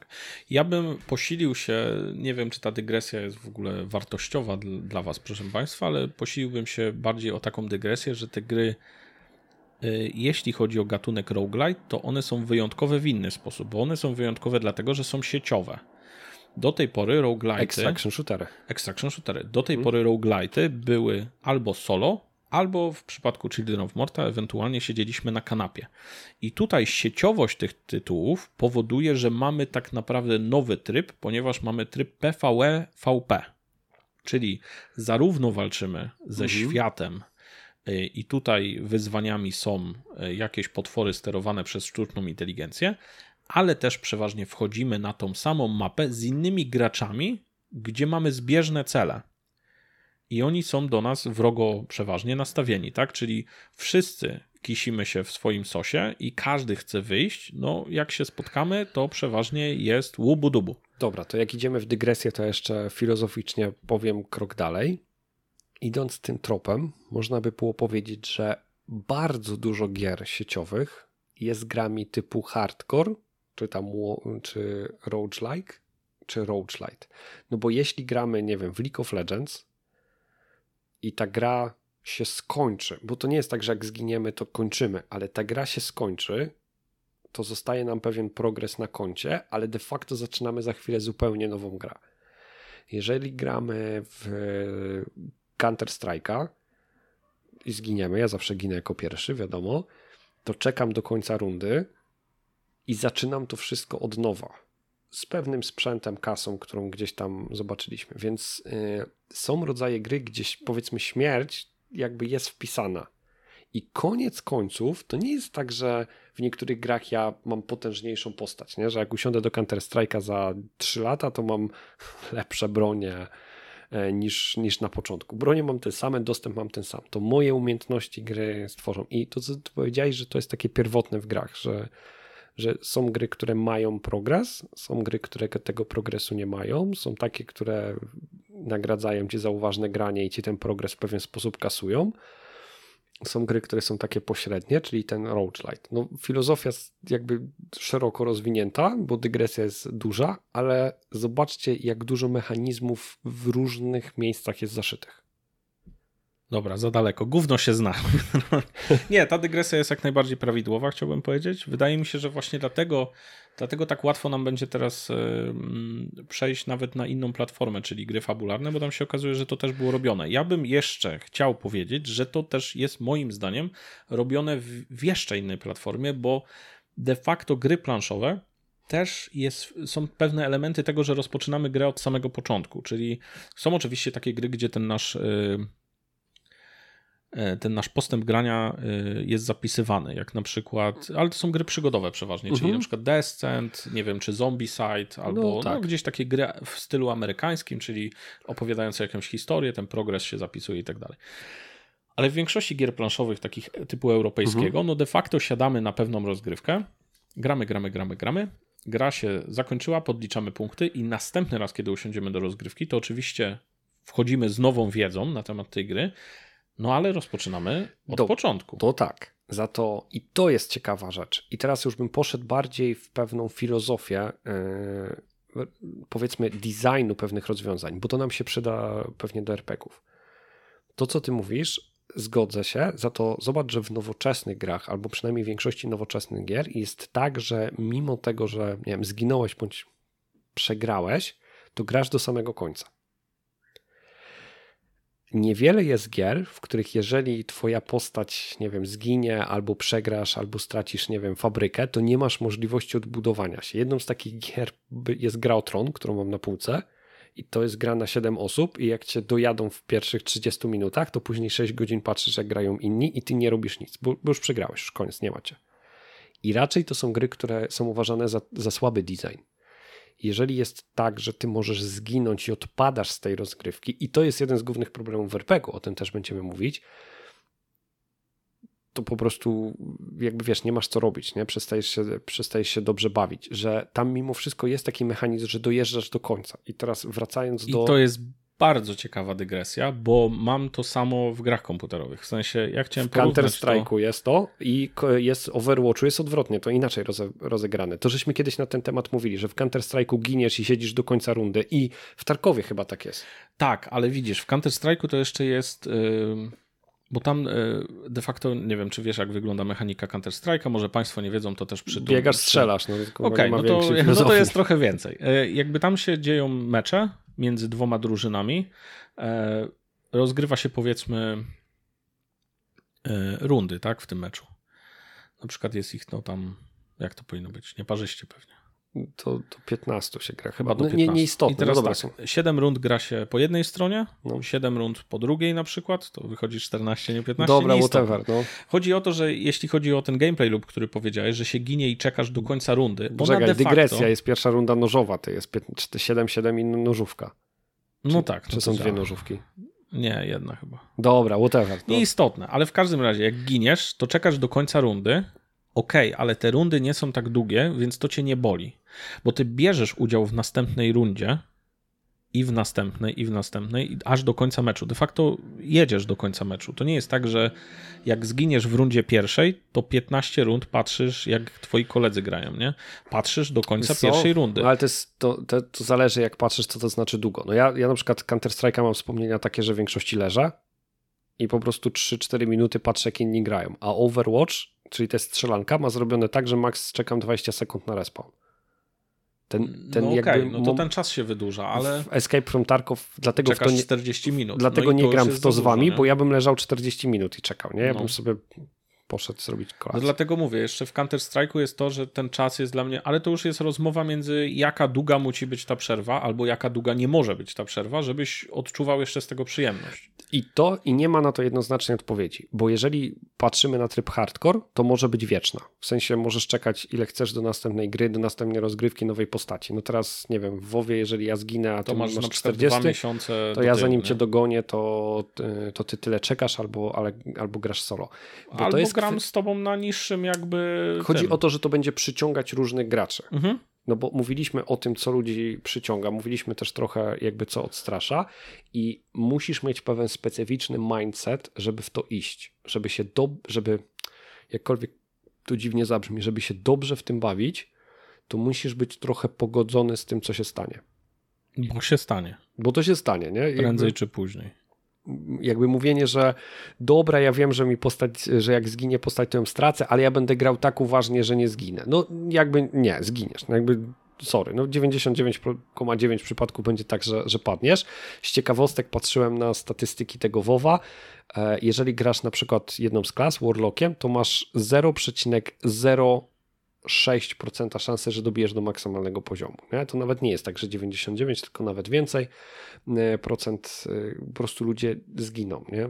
Podejmujesz to wysyłanie i musisz się z tym pogodzić. I jest grupa ludzi, którzy zaczynają w to grać, e, jest grupa ludzi, którzy zaczynają w to grać, giną i przestają. I ja myślę, że będzie ich mnóstwo.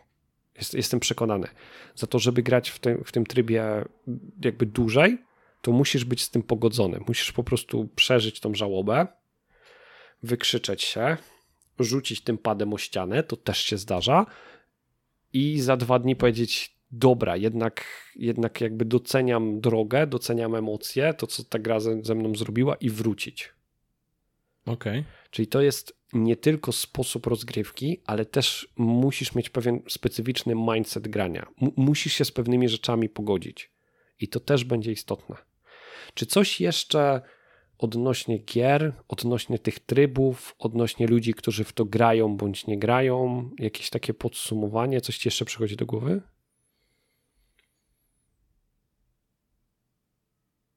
W świecie jakby gier komputerowych przeważnie ludzie, przeważnie te gry, e, które mają tryb hardcore albo są rogalikowe, roguelike'owe, roguelite'owe, są uważane w ogóle za ciężkie gry. I przez to społeczności, które się wokół tego tworzą, są takie raczej mocno specjalistyczne.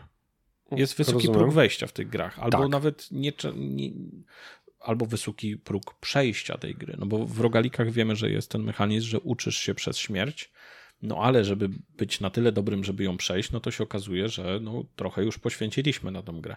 W Escape from Tarkov jest to samo. Społeczność, która zbudowała się wokół tej gry, wie więcej na temat tej gry niż y, ktokolwiek jak zacznie teraz, to ich już nigdy nie dogoni. Dobra, i tu mam do ciebie jedno pytanie. A czy to jest społeczność, która jest pomocna nowym graczom? Nie. Okej. Okay. Nie, nie wiem. Pytam, e- pytam dlatego, że powiem ci, że w większości gier y, właśnie takich bardzo trudnych, to społeczności przeważnie są takie wręcz zachęcające. W porównaniu do gier, które jest mały próg wejścia, to ludzie ci powiedzą, żebyś odinstalował, żebyś w to nie grał, bo jesteś głównym ale w tych trybach takich bardzo hardkorowych, to raczej ci powiedzą, dobra, spróbuj jeszcze raz, nie, pomożemy, może ci coś wytłumaczyć i tak dalej. No przynajmniej ja mam takie doświadczenie. Znaczy wydaje mi się, że może tak, jeżeli społeczność patrzysz przez pryzmat tego, co się dzieje na przykład w mediach społecznościowych albo tak dalej, to no to nie są przyjaźnie, ale to w żadnej grze też chyba by tak nie wypadło. Okej. Okay. Może poza Final Fantasy tam 14, tak? Bo oni są dziwni. Super. Super, ale dziwni. E, ale szczerze mówiąc, nie spotkałem się z tym, jak już uderzasz faktycznie o jakąś poradę do gracza konkretnego, to faktycznie przeważnie spotykam się z tym, że ktoś ci chce pomóc, przeważnie wykładając po, po prostu wiedzę na, na stół, nie? Okay. Jakąś tam. Dobra, a jeszcze mam jedno pytanie. Jak myślisz, no bo powiedziałeś, dlaczego my graliśmy, ale wrócę do tego pytania, na którym wcześniej się zawiesiłeś. Dlaczego te tryby teraz zyskują taką popularność? Znaczy wiesz, tryb hardkorowy WoWa, World of Warcraft, zyskał na popularność przeważnie przez, e, no myślę, że to jest następne dziecko streamingu, nie? że po prostu te filmiki e, ze śmiercią w głupkowaty sposób ludzi różnych okay. tam w internecie są na tyle popularne, że ludzie po to sięgną, nie? Dobra. Więc Dobrze, jakby jeśli chodzi o ten ostatni sukces World of Warcraft z tym trybem hardkorowym, no to na bank jest to, nie? Ale, no ale te tryby, jak wiemy, istnieją od lat, więc wydaje mi się, że znowu. No dobra, ale gry też powstają całe, nie? No dokładnie, więc wydaje mi się, no nie chcę jakby być adwokatem całych społeczności, ale wydaje mi się, że chodzi o te pierwotne, bardzo mocne emocje, nie? Że nigdy nie osiągnąłem takiego poziomu emocji e, w grach, w którym kara była mniejsza. Dobra, jakby nazywałem rzeczy po imieniu, wkurwienia momentami też. Znaczy nawet, no okej, okay, no to wkurwienia, jeżeli zginiesz, ale adrenaliny, jeżeli uda ci się, znaczy w ogóle adrenalina jest na przykład przez całe starcie, no bo to są przeważnie jak giniesz Dobra. przez starcie, nie?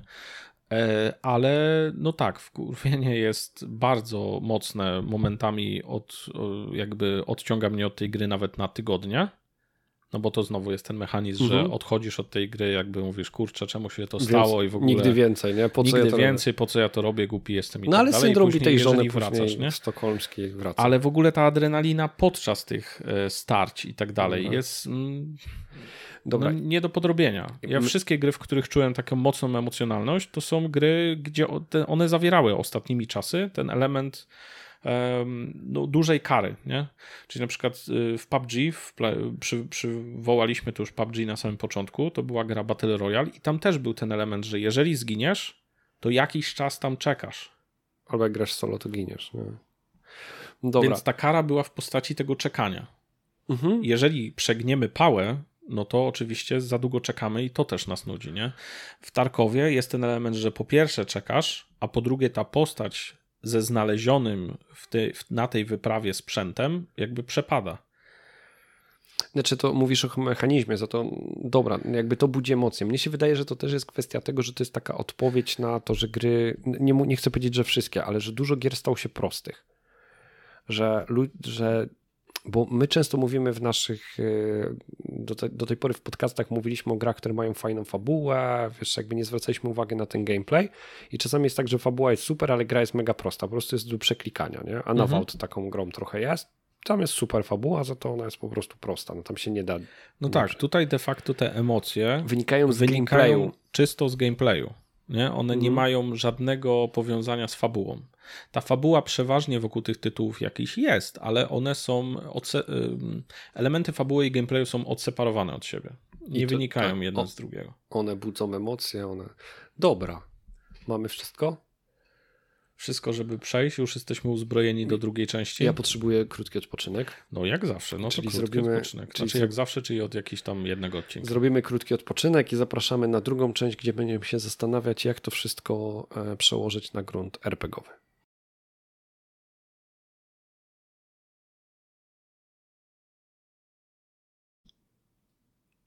Dobra, lecimy po chwilce przerwy z drugą częścią odcinka, czyli co my z tego wszystkiego chcemy sobie wziąć do RPGa, albo może już tam to jest? Wiesz co? No może zacznijmy od tej drugiej części. Ja myślę, że tam dużo już jest, bo dla mnie tryb hardcore, czyli jak giniesz, to giniesz, to jest docelowy gry tryb grania w RPG. To znaczy, jeśli mam postać w systemie i ona zginie, no to ja ją straciłem. Poza wyjątkami jakimiś w niektórych systemach, chociaż pojawiają się systemy, których nie da się zginąć. Na przykład, znaczy nie da. Fabula Ultima jest systemem, w którym jak nie chcesz, to nie giniesz.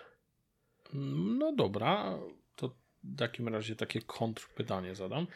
Ale czy na pewno tracisz wszystko? No bo jeżeli powiedzmy zginiesz sobie postacią e, w Dungeons and Dragons, gdzieś w środku kampanii powiedzmy, twoja drużyna razem z tobą ma dziesiąty poziom, no i powinęła ci się noga, zginąłeś. No nie bardzo da się ciebie wskrzesić.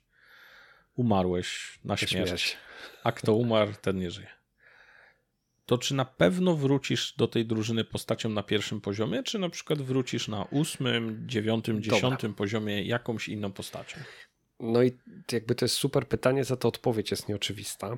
I teraz chyba dochodzimy do clue tego, o czym będziemy rozmawiać, że ja chyba będę mówił hardcore, jakby roguelike, roguelite, te wszystkie nazwy, ale jakby skróćmy to do tego. To nie jest kwestia tego, w jaki system grasz. To nie jest kwestia, jaką mechanikę używasz, tylko to jest kwestia, jaki styl grania i prowadzenia jest przy stole.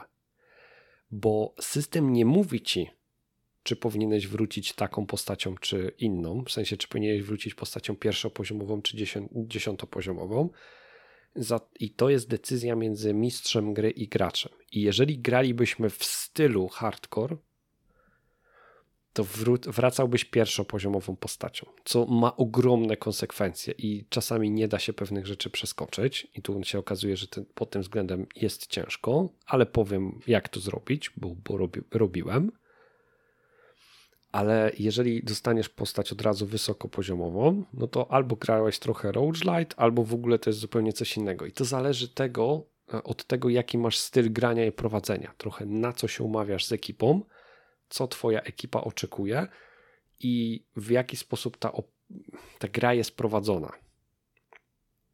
Więc to nie jest kwestia systemu. Są systemy, które mają z natury pewne mechaniki wpisane. Pewnie trochę będziemy o nich mówić za to najczęściej to jest decyzja nad stołem. Zdecydowanie powyżej systemu.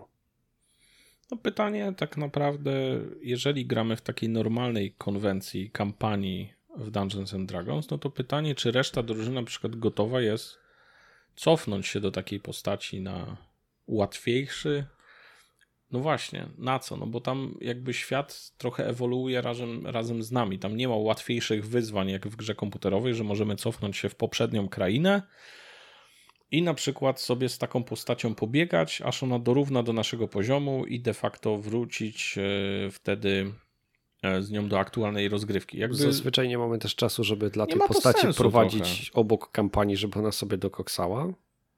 Znaczy, no, w grach komputerowych to wychodzi, no bo tak wygląda mechanika tej gry, że musisz sobie na przykład nadgonić ileś poziomów, żeby dołączyć do znajomych, no bo straciłeś. W grach fabularnych trochę możemy, jakby to jest takie ułatwienie nad stołem, bo możemy to trochę pominąć, no bo to de facto w narracji nie ma trochę sensu, nie? No bo i tak mhm. reszta postaci de facto czeka na ciebie, aż ty ich dogonisz i i dopiero ruszymy dalej. No to możemy już uznać, że z punktu mechanicznego to już ich dogoniłeś no i dobra, ruszajmy dalej. To może nie warto grać w ten sposób. Może nie warto grać, żeby cofać cały progres. Znaczy, ja bym się jeszcze zastanowił, co tak naprawdę tracisz, bo moim zdaniem ja trochę przytoczyłem e, to pytanie, żeby cię wziąć pod włos, bo ja akurat uważam, że ten tryb hardkorowy jest docelowym trybem grania w RPG, ale tak zapytałem na przekór.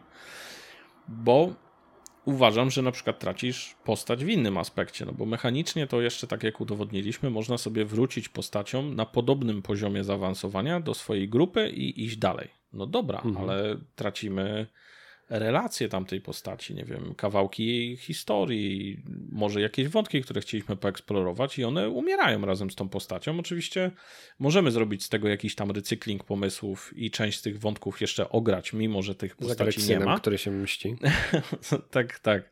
Można, można zagrać synem, który się mści za śmierć ojca, e, ale tracimy tą możliwość doprowadzenia na przykład e, historii tej postaci, eksplorowania jej wątków e, w ramach właśnie tego bohatera, nie? No dobra, to ja cię teraz wezmę trochę pod włos, ale to już będzie oczywiste. To może w ogóle nie warto za... strasznie to zabrzmi, ale zabijać postaci graczy. Może właśnie nie warto, żeby ta śmierć w ogóle następowała. Może zawsze jest taki moment, że my po prostu om... zrobimy omdlenie i później wstaniemy. Albo zawsze mamy możliwość wydania punktu przeznaczenia i ta postać jeszcze nie umiera. Albo jak w kucykach po prostu pojawi się w następnej scenie. No i tutaj zależy jak leży, e, czyli zależy w co gramy tak naprawdę, bo jeżeli gramy w jakiś scenariusz, gdzie to historia e, jest ważna, jakieś opowiedzenie na przykład na krótkiej formie, jakieś przygody historii, a nie skupiamy się tak naprawdę na rozwoju tych bohaterów, no to wciąż nie wiem, bo ja jestem tego zdania, że jak, jak ktoś umarł, to umarł ale e, roz, rozważam tą możliwość, że mógłbym dać się przekonać do tego, że niektórzy mistrzowie gry sobie tam zawirują pewne rzeczy i jakoś zrobią to właśnie w taki sposób, jak powiedziałeś. Ale idąc tym tropem z gier komputerowych, jeżeli gramy w jakąś e, kampanię, gdzie to rozwój bohaterów jest istotny dla nas i nie tylko ten emocjonalny, chociaż też, ale też ten mechaniczny, no to znowu, jeżeli przytaczaliśmy, że ważne są dla nas w tych grach komputerowych emocje wynikające e, z bliskości tej śmierci, jeżeli e, wokół niej tam się kręcimy i ona jest blisko nas, i gracze poczuliby, że tak naprawdę to jest tylko fasada, ponieważ e, jeżeli naprawdę wydarzy się coś złego, to w jakiś magiczny sposób zostanie im to wybaczone, no to te emocje prysną. I teraz bardzo dużo spotkałem, spotkałem się z dużą ilością takich stwierdzeń, że nie należy zabijać graczy, ponieważ e, no, nie chcemy, żeby ktoś się źle bawił przy stole, albo chcemy, żeby ta historia na przykład rozegrała się do końca. No dobra. Ale jeżeli gracze przyszli po te emocje związane z ocieraniem się o śmierć na tych przygodach i jeżeli im to zostanie zabrane, to czy de facto ubogaciliśmy ich okay. e, emocje przy stole, czy właśnie na odwrót? No dobra, to, to, z tym aspektem jestem w stanie się zgodzić, że nie da się wywołać tak skrajnych emocji ocierania się o śmierć, jeżeli ta śmierć nie jest realna. Jeżeli tak naprawdę tej kary nie ma, nie? Znaczy, no w sensie tak. Za to boję się drugiej części i to też jest pewnie taka dyskusja filozoficzna, I dam ci od razu przykład. E, ja teraz gram w Roach Tale, to się tak nazywa. To jest taki Roach-like, nawet light, no ale już pomijając, który jest morderczo śmiertelny. Ja już się nawet nie przejmuję nazywaniem tej postaci. Chodzi o to, że, że, ja, że to, to nie jest tak, że ja się martwię o tą postać. Ja już mam tak gdzieś, bo ja wiem, że ona zginie. I ja, i ja na przykład, jest taki kontrargument, wiesz, grając w RPG, że siadasz, nie, przy mistrzu gry, który wiesz, że jest po prostu złolem i jest hardkorowo, nie, że jakby jak wejdziecie w pięciu i wyjdziecie w dwóch, to to jest święto. Ale następnym razem nie wyjdziesz. No to pytanie, czy w ogóle chcecie się inwestować w postać, chcecie się wymyślać jej historię, chcecie się, żeby ona była unikalna, jak wiesz, że po prostu ty przemielisz przez miesiąc pięć tych postaci. I...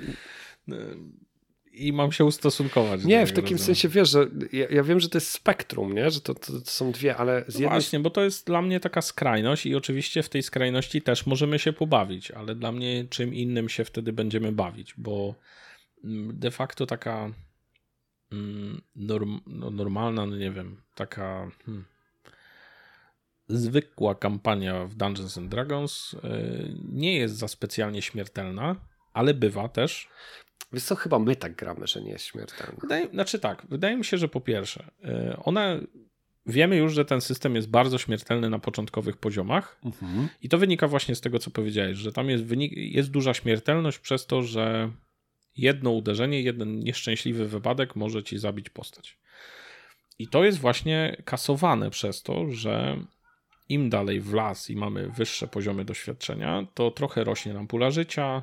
Oczywiście zmieniają się też e, wyzwania, przed którymi mhm. stajemy, ale one, one nie, nie, zmieniają się w ten sposób, że wciąż jest to na tyle śmiertelne, że zginiemy od przypadkowego uderzenia. Z reguły. Mhm. No właśnie, czyli już mamy szansę, powiedzmy, jakiegoś uratowania tego bohatera, choćby przez salwowanie się ucieczką. To jest ciekawy wątek. I, I, to, to jest dla mnie taki argument, i to jest pytanie do, do publiczności, do mistrzów gry, bo ja się nad tym zastanawiałem. Kiedy ostatnio wasi gracze wycofali się z potyczki? To się zdarza niezmiernie rzadko, przynajmniej przy moich stołach z doświadczenia. Oni są gotowi iść w zaparte, wiedząc, że jest niebezpiecznie, twierdząc, że dadzą sobie radę, a jak wszyscy marnie zginą, to później mają pretensje do mistrza gry i mówią, ale to było za trudne. Ja im zawsze powtarzam, ja wam nigdy nie obiecywałem, że wyzwania, które przed wami sta zostają postawione, zawsze trzeba rozwiązać walką i one są możliwe do przejścia. Za to dużo graczy się nauczyło, że one powinny być wyskalowane. Że skoro jest pewien rating postworów. Kurczę, jakby strasznie dużo angielskich słów, ale nawet nie wiem, jak to przetłumaczyć. Skala, skala wyzwania, tak to jest w, polskiej edycji, jest skala wyzwania potworów, to one zawsze będą tak, że gracze mają szansę je pokonać i to powinno być możliwe. Chyba, że popełnią błąd, albo nie wiem, kostki sześć razy z rzędu pokażą im e, zły wynik, to, to wtedy nie. Ja nie wiem, czy tak powinno być.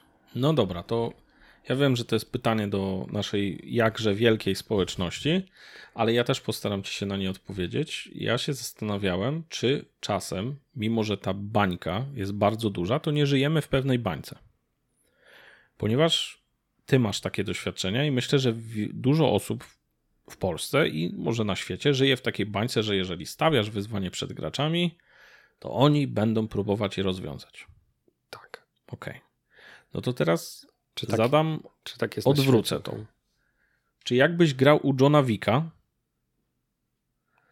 to czy grałbyś za wszelką cenę, wiedząc jaka jest śmiertelność jego przygód? No dobra, ale to właśnie musisz wiedzieć, nie? No, no tak, no ale to możliwe, że właśnie z tego wynika, że jeżeli przy twoim stole znasz trochę jakby te osoby, z którymi grasz i wiesz, że będzie mega śmiertelnie, albo wiesz, że sięganie po miecz po broń jakimkolwiek rodzaju nie zawsze jest rozwiązaniem, albo bardzo często nie jest, ponieważ tam, nie wiem, jest drugie, trzecie, ósme dno, no to możliwe, że ten mistrz gry czy ci gracze wychowali się w innej bańce i, I wtedy wcale nie ma tego się, programu. Co, I tu się o tyle zgodzę, ale wydaje mi się, że to jest yy, doc, kurczę, nie wiem, docelowy albo taki najbardziej popularny styl, bo ja mam taki przykład z kampanii, o której dzisiaj jeszcze trochę będę opowiadał, gdzie ja graczom na początku powiedziałem, że nie wszystkie wyzwania będą uczciwe. Ale nie mrugałeś w tym momencie? Nie, nie mrugałem i nie wszystkie, mm, nie wszystkie potwory, które będą spotykać są jakby z założenia do pokonania. I nie krzyżowałeś palców? Nie, nie krzyżowałem i nie dałem jakby, naprawdę to powtarzałem. I wszyscy powiedzieli tak, wiemy, rozumiemy.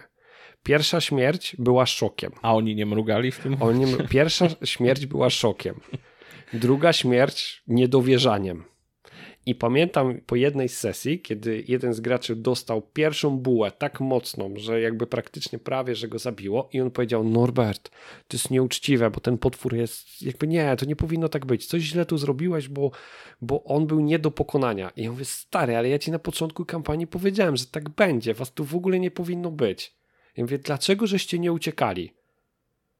I to było rzecz, która. Ja nie mam pretensji do tego gracza. Za to chodzi o to, że im nawet nie przyszło to do głowy. Że to w ogóle, jakby wiesz, ucieczka nie jest opcją. I pod tym względem zgodzę się, że to jest kwestia ustaleń nad, stole, nad stołem, ale nawet jak mówisz, nie mrugasz i nie krzyżujesz, e, nie krzyżujesz palcy ani rąk, to samo ustalenie nie wystarczy, że dopiero twoja renoma albo styl grania kolejnych sesji może pokazywać, że gracze zmienią pewne, e, mhm. pewne podejście. I wydaje mi się, że na to nie ma złotego środka poza tym, nie? że jakby musisz pewną społeczność sobie wychować w ten sposób, żeby oni reagowali w sposób, którego oczekujesz. Nie? Bo na przykład rozmawiałem, e, jeśli dobrze pamiętam, chyba Jankoś to przywoływał, że on nie miał takiego problemu w Earthdownie bo tam bardzo często było tak, że śmiertelność tego systemu pokazywała, że gracze dużo mniej chętnie rzucają się na wyzwania, które mogą ich przerosnąć. Czytałem podręcznik gracza, w polskiej edycji już miałem przyjemność e, i wydaje mi się, że ta śmiertelność tam wynika z tego, że jest tam możliwe zadanie przez przypadek za dużych obrażeń jak na swój poziom, i też otrzymania tych obrażeń i tam są takie progi, ran, y, przytomności i tak dalej. I wydaje mi się, że bardzo szybko może to starcie się odwrócić na twoją niekorzyść, mimo że wydawało ci się, że będzie ok. I przez to możliwe, że dwa razy się zastanawiają ludzie, zanim podchodzą do wyzwań, bo one zawsze mogą pójść nie po ich myśli. Tak jak przytaczałem z Johnem Wickiem, tam też jakby pewna bańka tego, jaki on jest, bo no nie wiem, czy wiecie, ale John Wick uchodzi za takiego znaczy uchodzi. Ja trochę wiem, celebrytę tak celebryckiego Dobra. mistrza gry, który to dla no, tych, którzy nie wiedzą, John, John Wick to jest taki pan ze Stanów, który napisał m.in. Legendę Pięciu Kręgów, Honor i Krew, kilka jeszcze innych podręczników i swego czasu prowadził taką y, y, podręcznik, który w Polsce jest hejt, hej, chyba, tak? hejtowany, czyli Kraj Twardo, ale on między innymi pokazywał, że no, tam nie było litości, tam była bardzo duża śmiertelność i, i mimo tego, że, że to było, on był na tyle charyzmatyczny, dobrym mistrzem gry albo cokolwiek innego, to ustawiały się do niego kolejki. I teraz, żeby było jasne, ja nie Przepraszam, nam... bo jeszcze chciałem, no? bo właśnie okej, okay, o Johnu Wicku no to już wiemy, ale jeszcze a propos tego, że mówisz, że w Dedeku tak często miałeś, że mm, no gracze po prostu no, rzucali się na wyzwania za wszelką cenę. I ja przytoczyłem wcześniej, że Jankoś mówił, że w Earthdownie nie miał tego problemu. No i słyszałem taką opinię od Mata Colvilla, to jest znowu no, inny taki dosyć duży youtuber y, dedekowy, tak? Mhm. Zresztą nie tylko on, bo twórca gier, nieistotny w tym argumencie, że gracze Dungeons and Dragons postępują w ten sposób, ponieważ grają w Dungeons and Dragons. Nie? Jakby chcą się poczuć bohaterami, zdolnymi do wszystkiego i pokonywania każdych przeciwności, których w nich rzucasz. I to jest trochę bańka chyba tego systemu nawet. Okay. Dlatego przytoczyłem, że Earthdown nie ma tych problemów, bo on już jest, znaczy może nie ma, że z racji tego, że on już jest zbudowany w inny sposób, to możliwe, że generuje inne problemy, ale akurat ten omija. I wydaje mi się, że w Dungeons and Dragons bardzo dużo jest takiego nacechowania, że gramy wręcz superherosami. No i wiadomo, jak jest superbohater, to on się nie cofa przed niczym, nie?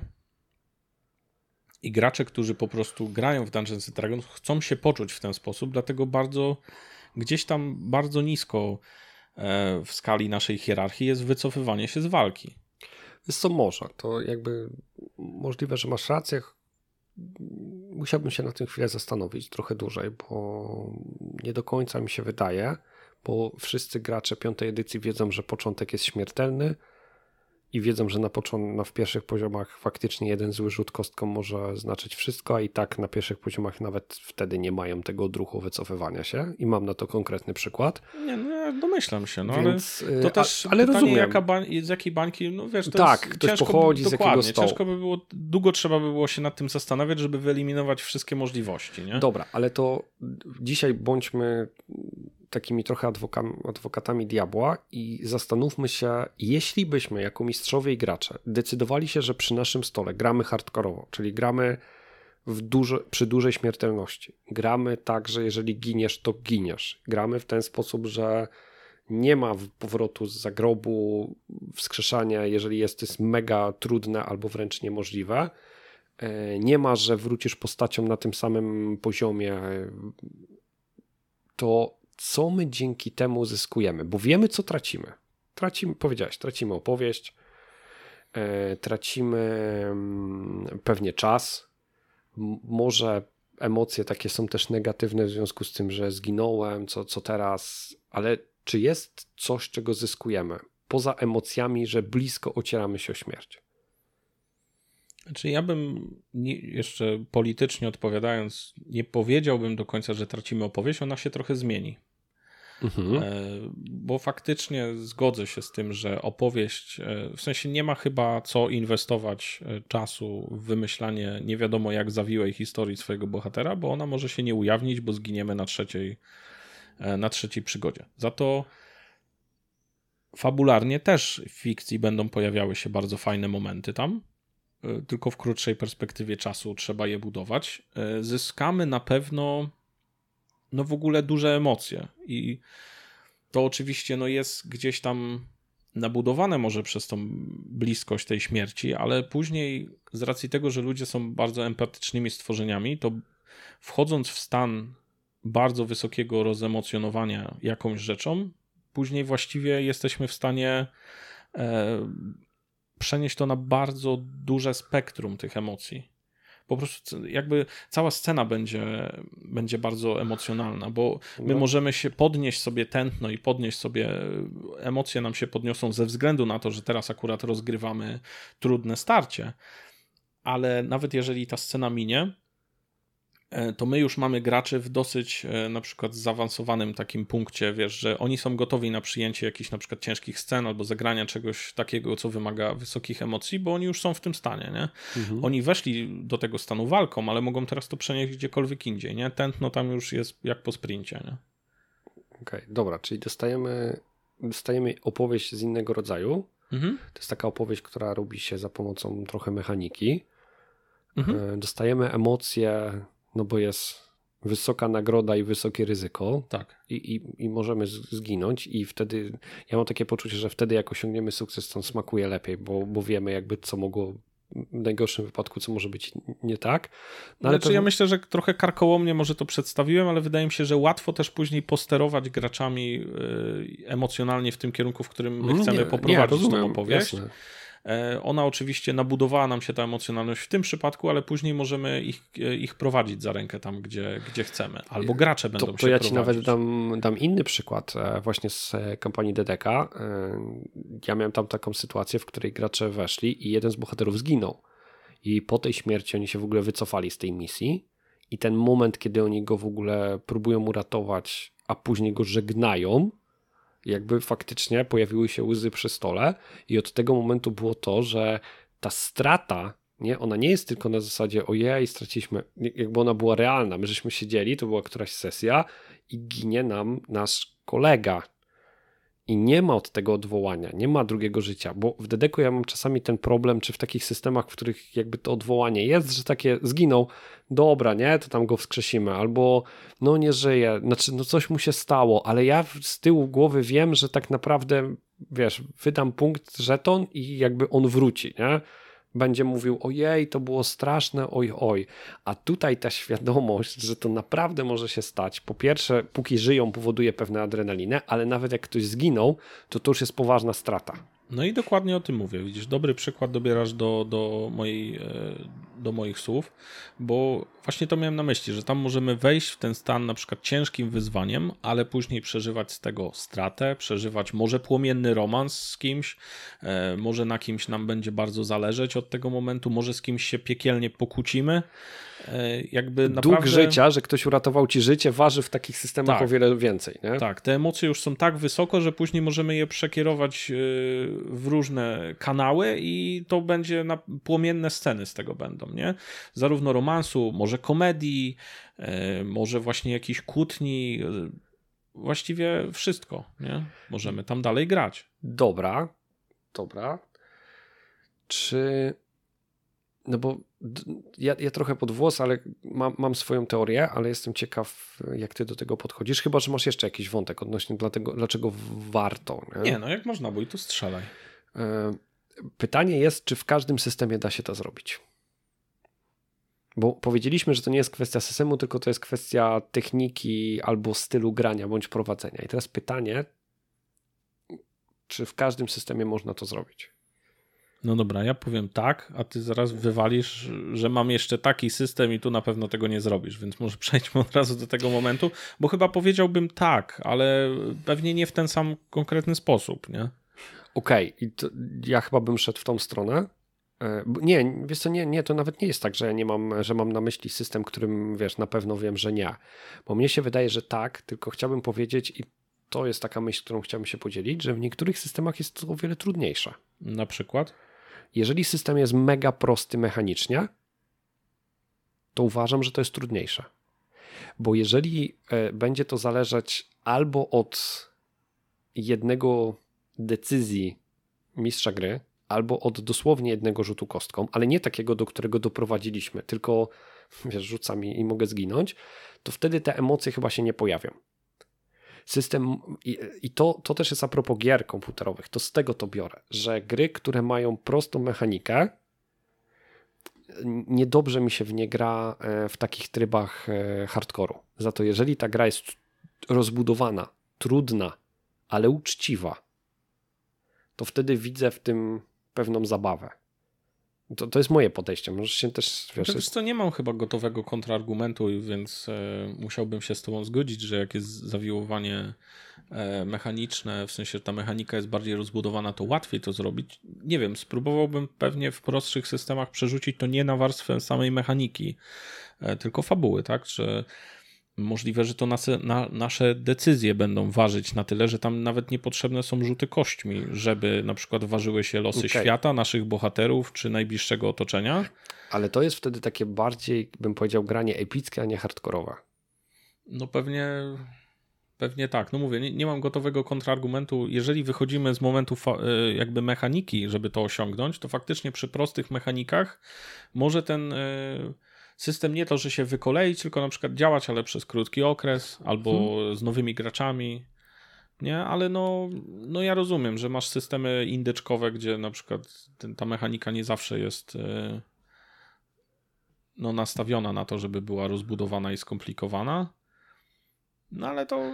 Dobra, to może inaczej, bo, bo może ja po prostu czegoś nie widzę. Ja do tej pory, bo żeby było jasne, ja czuję, że widzę swoją zmianę. To znaczy, ja przez lata byłem nastawiony do takiego grania nastawionego na historię, e, fabularnego, czy, czy jakkolwiek to inaczej nazwać, takiego storytellingowego. I patrzyłem na osoby, które grają w RPG stricte mechanicznie, e, tak no, nie rozumiejąc ich, żeby powiedzieć najłagodniej. Za to od jakiegoś czasu widzę i doceniam, bo to jest to, co o tym powiedziałeś, że ja widzę w tej mechanice też potencjał opowieści zupełnie innej.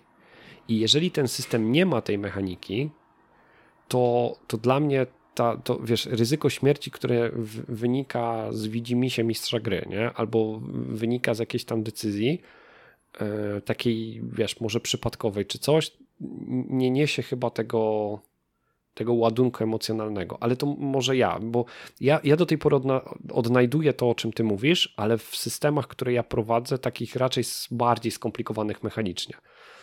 Jak Dungeon and Dragons 5 edycja, która i tak jest mega prosta w porównaniu z poprzednimi. Za to na przykład jak rozmawiam z ludźmi, to oni wspominają, że właśnie te poprzednie edycje, które były jeszcze trudniejsze, jeszcze bardziej skomplikowane, ale to oni lubią właśnie w nie, znaczy, ale dające im możliwości różne, różnego rodzaju, czyli jakby spektrum decyzji, lubią grać w taki sposób bardzo trudny, że jest duża śmiertelność, dlatego że wtedy czują, że te szereg decyzji, które podjęli po drodze, mają sens. Mhm. Odniosę się do tego, co już mówiliśmy w przypadku gier komputerowych, że po pierwsze, ważne w, tym, w tych trybach hardkorowych, roguelike'owych jest to, że przeżywamy bardzo duże emocje związane z tym, że ocieramy się o tą śmierć, ale mówiliśmy też, że bardzo fajnym elementem jest tam budowanie swojego bohatera. Na przykład w World of Warcraft. I to, że ten progres jest wydłużony poprzez, że każdy ten szczebelek progresu, choćby malutki, jest dla nas istotny. I wydaje mi się, że już z tego punktu, y, no jakby te bardziej mhm. zaawansowane mechanicznie systemy dają tą możliwość graczom, żeby oni sobie tą, tego bohatera dubali i budowali krocz, po, krok mhm. po kroczku. No bo jeżeli faktycznie my ładujemy się w konflikt taki, że no możemy z niego nie wyjść, bo żeby, proszę Państwa, żeby nie było, to są bardzo duże emocje, też negatywne, tak? I o tym mówiliśmy, że tam czasem, no jakby mhm. poczucie straty tego bohatera bywa druzgocące dla niektórych. No i w zamian za to gracze czegoś oczekują. No i dostałem też bardzo duże emocje adrenaliny i spełnienia, jeżeli coś wyjdzie. No ale myślę, że to wciąż jest za mało podług tej straty, więc dostają jeszcze no jakby ten moment budowania swojego bohatera i to, że zapracowali sobie na swój sukces na przykład w danej mhm. sytuacji. No i w prostych systemach może faktycznie nie ma takiego poczucia. Więc tutaj trochę jakby repetując swój okay. własny argument, że pewnie da się też w prostszych systemach, no to widzę, dlaczego te trudniejsze systemy też mogą bardziej gloryfikować graczy, e, którzy no, chcą się bawić w ten sposób. Znaczy, musi, I... być, musi być, do tego, żeby to zrobić na sesji, gracze muszą mieć dużo możliwości podjęcia decyzji bądź wyborów. Mhm. Albo mechanicznych, albo fabularnych, bo pewnie można to zrobić w prostszych systemach tylko fabularnie. Bo jeśli sprowadzimy to, to po prostu do jednego rzutu kostką, albo nie damy im wcześniej możliwości, nie wiem, przygotowania się, to oni nie będą czuć tych emocji, bo po prostu jeżeli to się nie uda, to stwierdzą, że to jest głupie i nieuczciwe. Ale mhm. jeżeli mają świadomość, że mogli zrobić inne rzeczy, mogli się przygotować, mogli, nie wiem, poczekać, mogli e, dowiedzieć się więcej o tym potworze, mogli przygotować specjalną amunicję, a nie zrobili tego, tego, bo nie wiedzieli, znaczy nie, nie, nie, chciało im się, zależało im na czasie, podjęli decyzję, że to jest istotniejsze i przez to zginęli, bo, bo to jest ważne, bo to też jest dla mnie ważne w tych trybach e, w grach komputerowych i chciałbym to przenieść na, na gry RPG, że musisz mieć, jak tak na spokojnie, bo wiadomo, że emocje są po śmierci duże, ale jak na spokojnie na to spojrzysz, to musisz mieć takie, dobra, mogłem zrobić to, to i to, nagiąć to do na swoją korzyść i wtedy ten wynik byłby inny.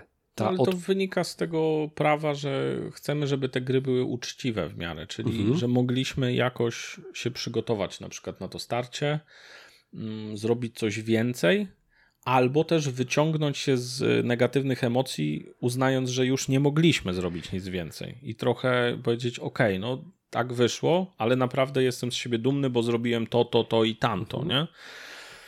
Mm, ja myślę, że też nie do końca takim biczem e, na głowę czy wiadrem zimnej wody jest powiedzenie właśnie, że w prostszych e, RPGach e, czy w prostszych mechanicznie RPGach byłoby to ciężko zrobić. No okej, okay, ale to też nie jest źle, no bo pamiętajmy, że ten tryb rozgrywki no właśnie, rozgrywki, jakby wynika nam trochę z gameplayowej warstwy tego. My gamistycznie chcemy przenieść te elementy z gier komputerowych, czy, czy właśnie się do nich odnosimy, bo one już tu są, do gier fabularnych, czyli sprawdzamy właśnie, jak się bawić tak naprawdę mechaniką i mhm. graniem, tym elementem grania w gry fabularne, a nie tylko fabułą w grach Tak, bo jeżeli jakby twoja śmierć wynika na zasadzie e, wybiegło, z banku wybiega banda, mm, która właśnie okradła, zaczynają strzelać i mówisz e, Kasia, ty nie żyjesz i jakby Robert, ty zginąłeś, to oni mówią what the fuck, nie? Jakby, mhm. co się dzieje. Ale... Ja myślę, że takim samym argumentem, jeżeli będziemy kiedyś rozmawiać, że no ciężej prowadzić narrację w systemach, które są upośledzone w sposób fabularny, no ciężej, no jakby znaczy, nie w sensie, które są tak rozbudowane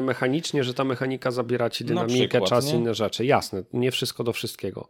E, dobra, miałem jeszcze jedną myśl, ale chyba ona mi, mi uciekła. Coś chciałem powiedzieć na temat... A, już wiem. Dobra, konkrety, bo jakby zawsze staramy się, żeby było jak najwięcej konkretów i, i porad. Pierwsza porada, e, jeżeli chcesz mistrzu gry prowadzić w takim stylu, to gracze muszą mieć wybór. Muszą mieć czas na przygotowanie, możliwość różnych rzeczy, możliwość podjęcia decyzji i jeżeli podejmą takie, a nie inne decyzje i prowadzi to do ich śmierci, to trudno nie oszukuj na kościach. Jeżeli, jeżeli grasz w tym, znaczy w ogóle nie polecam, ale to już może kiedyś jakaś tam polemika, za to w tym systemie nie oszukuj.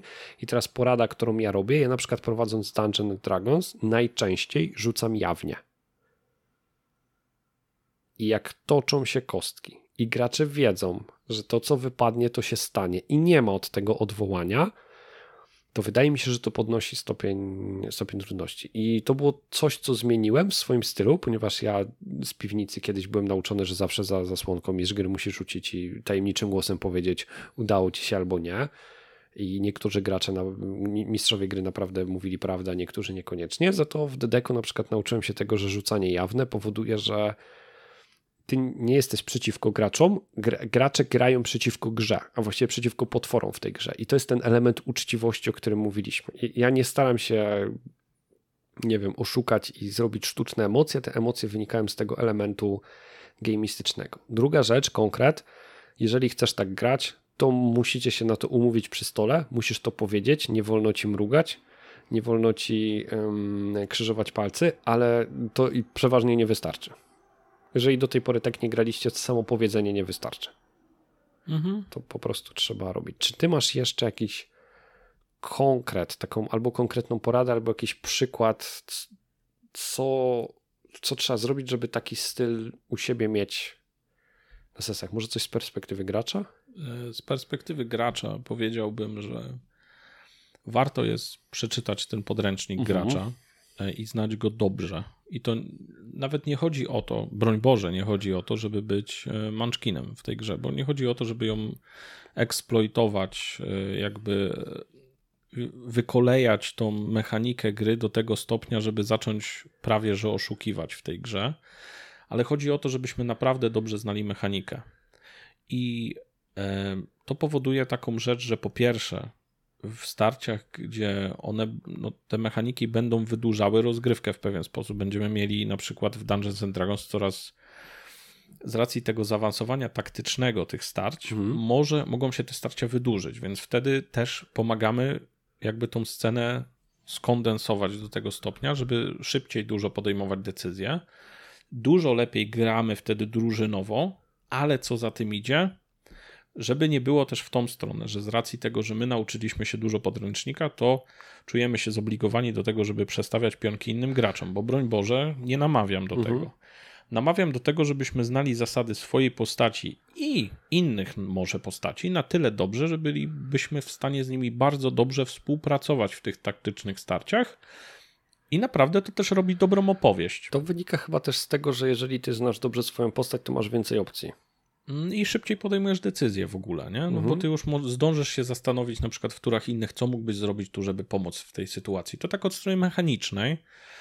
E, jeśli od strony fabularnej miałbym powiedzieć, żeby no, te postacie wciąż były fajne do grania, to warto, wydaje mi się, że tak jak mówiliśmy wcześniej w tych odcinkach e, tam poprzednich, że, że czasem warto zbudować postacie, które są prostsze, ale bardziej wyraziste, to wydaje mi się, że tutaj ta zasada też będzie miała miejsce, mhm. ponieważ nie warto budować bardzo długo rozwijających się historii, kiedy może nam się noga powinąć i tak dalej. Możli, możliwe, że tego bohatera będziemy mogli w świetny sposób rozwijać też podczas e, rozgrywek, mhm. więc tam zawsze możemy sobie nabudować więcej fabuły. E, a taka prostsza, może bardziej jednowymiarowa, wyrazista postać też będzie super grała w tych krótkich, e, krótkich formach, nie? Okay. Mm, więc to tyle od strony gracza. Tak bym do tego podszedł. Dobra, poruszyłeś jeszcze jedną rzecz i ona mi się teraz skojarzyła a propos znajomości podręcznika. I to jest, e, to jest jakby fajnie, że o tym powiedziałeś, bo tu ja mam taki pewien manifest i to też mi się zdarza. Ja czasami e, tak mówię do graczy. Ja uważam, że gracz ma obowiązek zna znania sposobu działania swojej postaci jasne, że jeżeli to jest pierwsza sesja i my zaczynamy albo gramy starter, to my się tego wszystkiego uczymy. Ale jeżeli na piątej sesji systemu. Gracz pyta mnie, jaką kostką musi rzucić, żeby on, jego postać wykonała atak, to ja mu odpowiadam, nie mam pojęcia. Zazwyczaj wiem, ale mówię, to jest twoje know your shit. To jest twój obowiązek. Ja wiem, jak działają potwory. Ja się ciebie nie pytam, jaką kostką rzucić za, te, za tego potwora, e, więc ty powinieneś to wiedzieć. Jeśli tego nie robisz, albo jeśli nie lubisz tak grać, bo to też jest jasne, to pewnie nie będziesz się dobrze bawił przy tym, e, przy tym stole, jeżeli wszyscy będą do tego podchodzić. Ale jest druga strona tego medalu i to znowu, e, skrajności są złe. Jeśli ty znasz właśnie na wylot swoją postać i tak naprawdę grasz tylko jednym optymalnym buildem postaci, albo bierzesz tylko najbardziej optymalne rzeczy, to zaczyna się taki wyścig zbrojeń trochę z mistrzem gry. I wtedy nagle się okazuje, że my gramy przeciwko sobie, a, a nie razem, więc ten stopień trudności powinien być wysoki, ale nie, i czasami może być wręcz nie do przejścia, żeby gracze mieli możliwość wycofania się, ale taką możliwość powinni dostać, a nie może być tak, że za każdym razem po prostu jest super śmiertelnie, bo wtedy gracze będą grać tylko i wyłącznie najbardziej optymalnymi postaciami, albo tacy gracze zostaną wam przy stole. I to będzie po prostu wyścig powtarzanych pewnych sekwencji, które są najbardziej, najbardziej optymalne. I to jest kolejna rada którą ja się nauczyłem na, na właśnie DDK-u i stosują przy innych systemach. Moim zdaniem, nie ma sensu za każdym razem stawiać śmiertelne wyzwanie, o tym już mówiliśmy, z tego względu, że wtedy żadne wyzwanie nie będzie bardziej emocjonujące od innych. Prędzej czy później kostki zrobią opowieść, mechanika zrobi opowieść. Seria rzutów spowoduje, że starcie, które na papierze nie wyglądało tak trudno, nagle się stanie. Przykład dzisiaj, ja straciłem dzisiaj postać w WoWie nie na trudnym bosie, nie na wyzwaniu, tylko po prostu nie weszło jedno zakręcie, nie udało się jeszcze jeden manewr, z powodu jedną umiejętkę wcześniej nie sprawdziłem, że mam ją dostępną i nagle się okazało, że seria drobnych błędów spowodowała proste starcie, które ogólnie bym przeżył, e, starciem, które mnie zabiło. I tak samo jest w grach. I druga rzecz, i chyba chciałbym odszczekać to, co powiedziałem na początku, że e, gry fabularne to są gry w trybie hardcore, nie powinny być. One powinny być w trybie roguelike, a nie hardcore. I teraz jaka jest różnica? Ta, o której mówiliśmy, czyli ta... już nie musisz znać całej gry na wylot. Tak.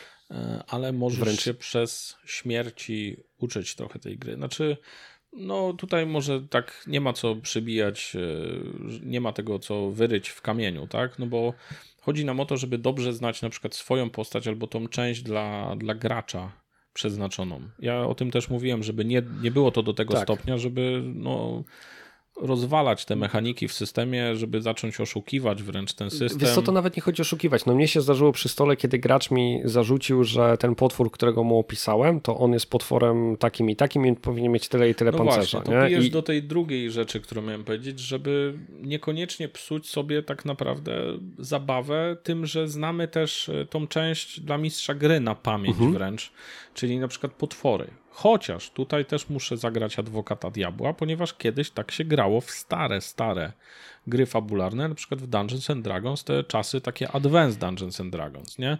I tam śmiertelność była taka, że gracze uczyli się na przykład takich rzeczy jak y, punkty życia, wrażliwości I... potwora i tak dalej, ale muszę powiedzieć, że wtedy też trochę pozbawiamy się sensu i w dużej ilości gier fabularnych są takie ruchy. Na przykład ostatnio widziałem to, ten ruch w fabule Ultimie, że możemy się dowiedzieć czegoś -hmm, o tak, potworze. Tak, okay. I w Dungeons and Dragons są takie ruchy w piątej edycji na przykład, więc wtedy absolutnym bezsensem jest to, żebyśmy już o tym potworze wiedzieli coś, jako albo gracz. zakładali jako gracz, nie postać gracza, że on ma na przykład tyle punktów życia i tak dalej i wręcz kłócili się, jeżeli jest inaczej.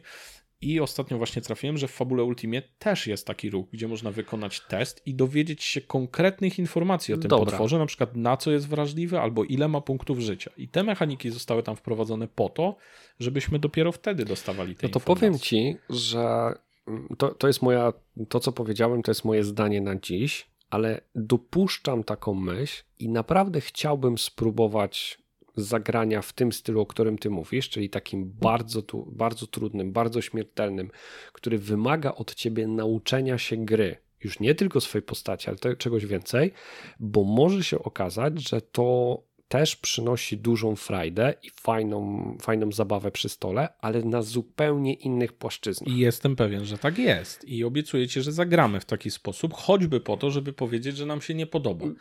Ale. Żeby na bank tak jest, bo po prostu ono przyniesie inne emocje, nie? Bo tam na przykład będziesz się jarał tym, jak dobrze znasz grę. Znowu satysfakcja tego, że znasz ten system, znasz te lochy na przykład tak dobrze. Poza tym może, może być też tak, że wiesz, widząc tego potwora, nie, ty wiesz, jak on jest potężny i wtedy znowu masz następną decyzję do podjęcia, wiedząc już, nie, jest potężny, ja wchodzę w to i ryzykuję, albo jest potężny i uznaje, że dobra, wycofujemy się, nie? bo sam opis na zasadzie stoi przed tobą gościu jest przerażający, możesz powiedzieć, dobra, jestem bohaterem, ale jeżeli mu opiszesz konkretnie i powiesz, jak ta postać się nazywa, a gracz wie, jakie statystyki ma ta postać, to na poziomie takim jakby metagame'u może podjąć decyzję. I mimo tego, że do tej pory, jakbyś mnie spytał, nie wiem, 5 lat temu, to ja bym powiedział, że to jest abominacja i powiedziałbym, że to jest w ogóle zaprzeczenie RPGów, to każdy ma swoje kung fu, jak mówi Żadek i uważam, że to może być też super ciekawe. Ja bym chciał to spróbować, bo ja wydaje mi się, że nie potrafię tego i bardzo by mi było trudno poprowadzić w takim stylu.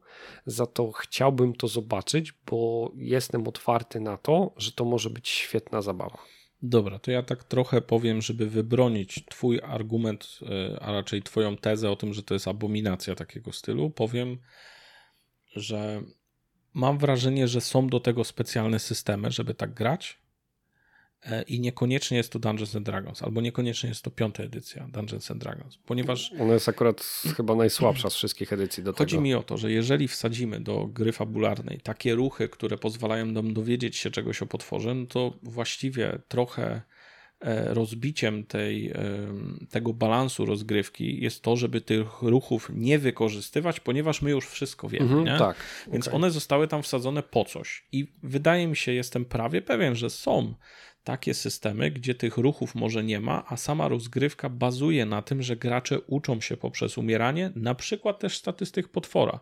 Wydaje mi się, że może niektóre, nie wiem, czy systemy OSR-owe akurat wiemy, że tam mają chyba prostsze so, mechaniki. Mają i to jest trochę bardziej filozofia, ale, ale OSR, czyli taki powrót do tych starych systemów, czyli na przykład poprzednich mm, edycji Dungeon Dragons, trochę jest w tą, w tą stronę. Nie? Wydaje mi się, że są systemy do tego, żeby bawić się też e, takim zaawansowaniem mechanicznym mechanicznym, że jeżeli te ruchy w samej już rozgrywce pozwalają ci dowiedzieć się na przykład dodatkowych, konkretnych informacji o przeciwnikach, adwersarzach, z którymi, z którymi tam e, będziemy mhm. wchodzić w potyczkę, no to trochę bez sensu z punktu widzenia balansu tej rozgrywki i balansu, nie wiem, straty tury na wykonanie tego ruchu byłoby to, że po prostu już to wszystko znamy, nie? Mhm.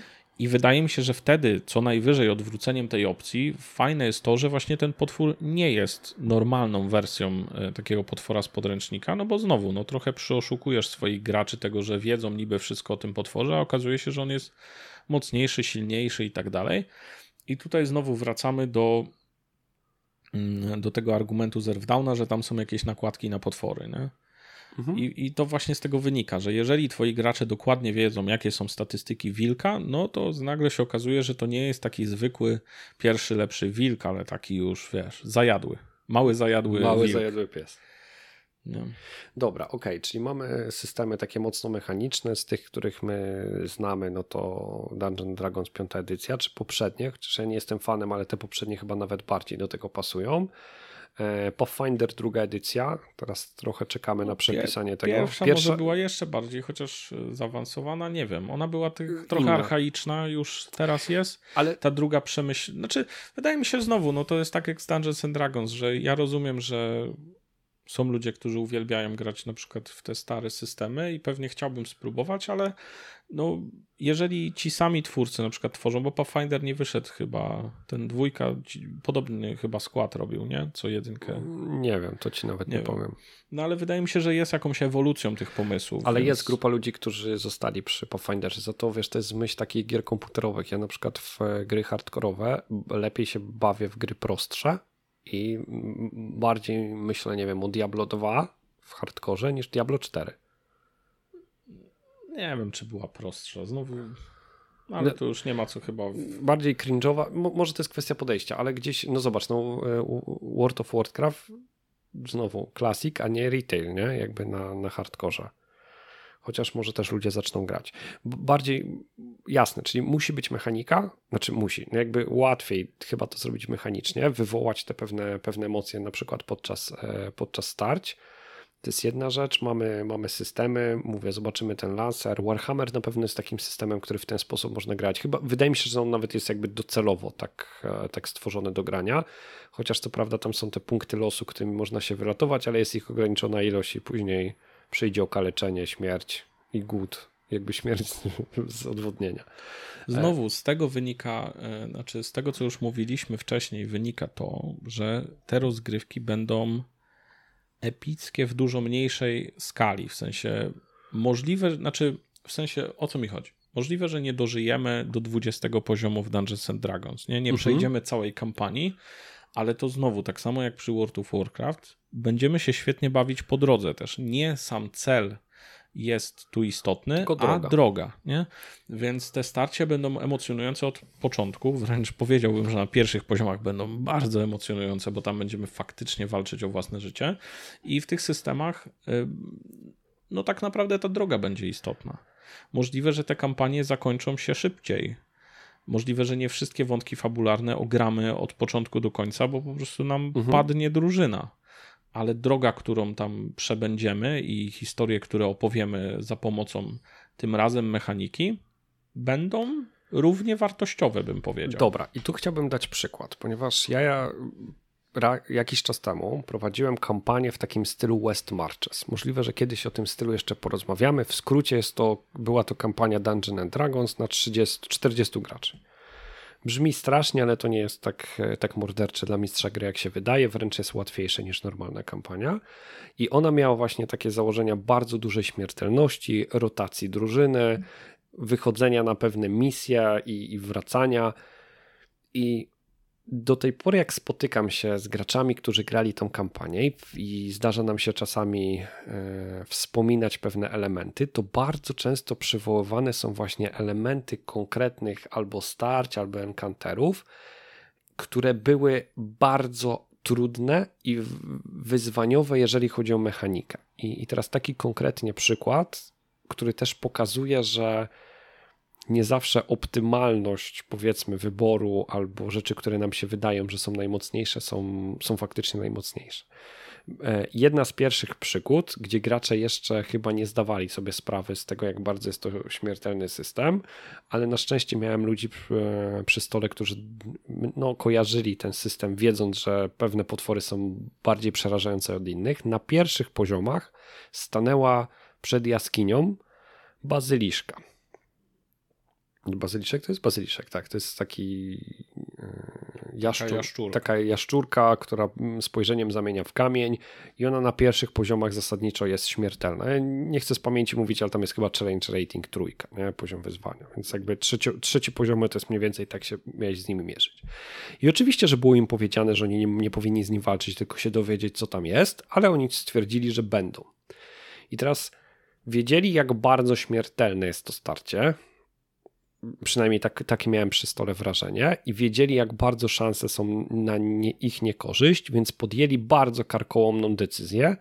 Otóż wywabili go z jaskini i na cały obszar walki rzucili zaklęcie mgły, które powodowało, że po pierwsze ich, oni nie widzieli bazyliszka, ale bazyliszek też nie widział ich, więc wszyscy walczymy w utrudnieniach, ale jednocześnie wycinamy najstraszniejszą broń bazyliszka, czyli zamiana w kamień i wychodzimy czysto na rzut kośćmi. I to była sytuacja, w której podjęli taką decyzję. Ona im się udała, naprawdę, rzucając jawnie, faktycznie wyszli z tego starcia e, zwycięsko i czuli się bohaterami. Mieli poczucie bohaterami. I to jest jedna z takich walk, które ono, oni opowiadają jako przykład walki superheroicznej, ponieważ było podjęte decyzje, było bardzo duże ryzyko, i oni wyszli z niego um, zwycięsko. Ale podczas tej kampanii zdarzyły się, też, e, zdarzyły się też walki, w których oni podjęli takie decyzje i kości nie były po ich mocy, albo się okazało, że nie byli odpowiednio przygotowani, nie zebrali pewnych materiałów i była na przykład taka e, jedno z takich e, starć z Banshee, gdzie Banshee to jest jeszcze inna historia, ale koniec końców jakby faktycznie jeden z bohaterów zginął. I oni wtedy, wtedy, bo to już była kolejna śmierć bohatera, oni wiedzieli już, jakie to są stawki, wiedzieli tak, że, że może się zdarzyć. Za to z Banshee to też jest, e, chciałem trochę dygresyjnie, ale powiedzieć, że to jest ta historia pokazująca to, co rozmawialiśmy, że nie warto uczyć się mechaniki, albo nie warto zakładać pewnych rzeczy mechanicznie. Ponieważ to był stół i gracze, którzy nigdy wcześniej ze mną nie grali i chyba nie wiedzieli, jak ja prowadzę i nie wiedzieli jakby o pewnych rzeczach, za to świetnie znali mechanikę. Jakby fenomenalnie. To byli mechanicznie jedni z najlepszych graczy. E, do tego stopnia, że w momencie, kiedy pad, padła im jedna z postaci, najpierw robiąc zaklęcie y, związane ze światłem, które bardzo poważnie uszkodziło tego, tego ducha, w momencie, kiedy ten duch krzyknął, jak to Banshee spowodował, że ta postać no, jest na progu śmierci, gracze nad stołem wymyślili sobie, że nie opłaca się tak naprawdę podnosić tej postaci, bardziej się opłaca zaatakować tego ducha, ponieważ no, jeżeli go jakby odpowiednio dużo mu zadamy obrażeń, to, to ekonomia akcji w DDK jest taka, no, takie było tłumaczenie, takie bardzo mechaniczne, czyli ekonomia akcji jest taka, że lepiej, e, lepiej zainwestować w atak. To, czego nie wiedzieli, co jest zgodne z zasadami, ale to pokazuje, że to nie jest kwestia zasad i systemu, tylko kwestia stylu gry, to, że Banshee wpadła w taką wściekłość, że ona była gotowa rozszarpać tą postać, nawet jak ona już leżała i ten duch po prostu dobił tą postać. I w momencie, kiedy oni ją wygrali z tym duchem, oni wiedzieli, że ta śmierć leży na ich barkach. Ponieważ ja nie oszukałem na kościach, nie zrobiłem czegoś, co nie jest niezgodne mechanicznie, oni założyli, że to się nie stali. Ale każdy z nich, mając eliksiry i moc leczącą, a każda z postać miała, mieli możliwość zapobiegnięcia tej śmierci.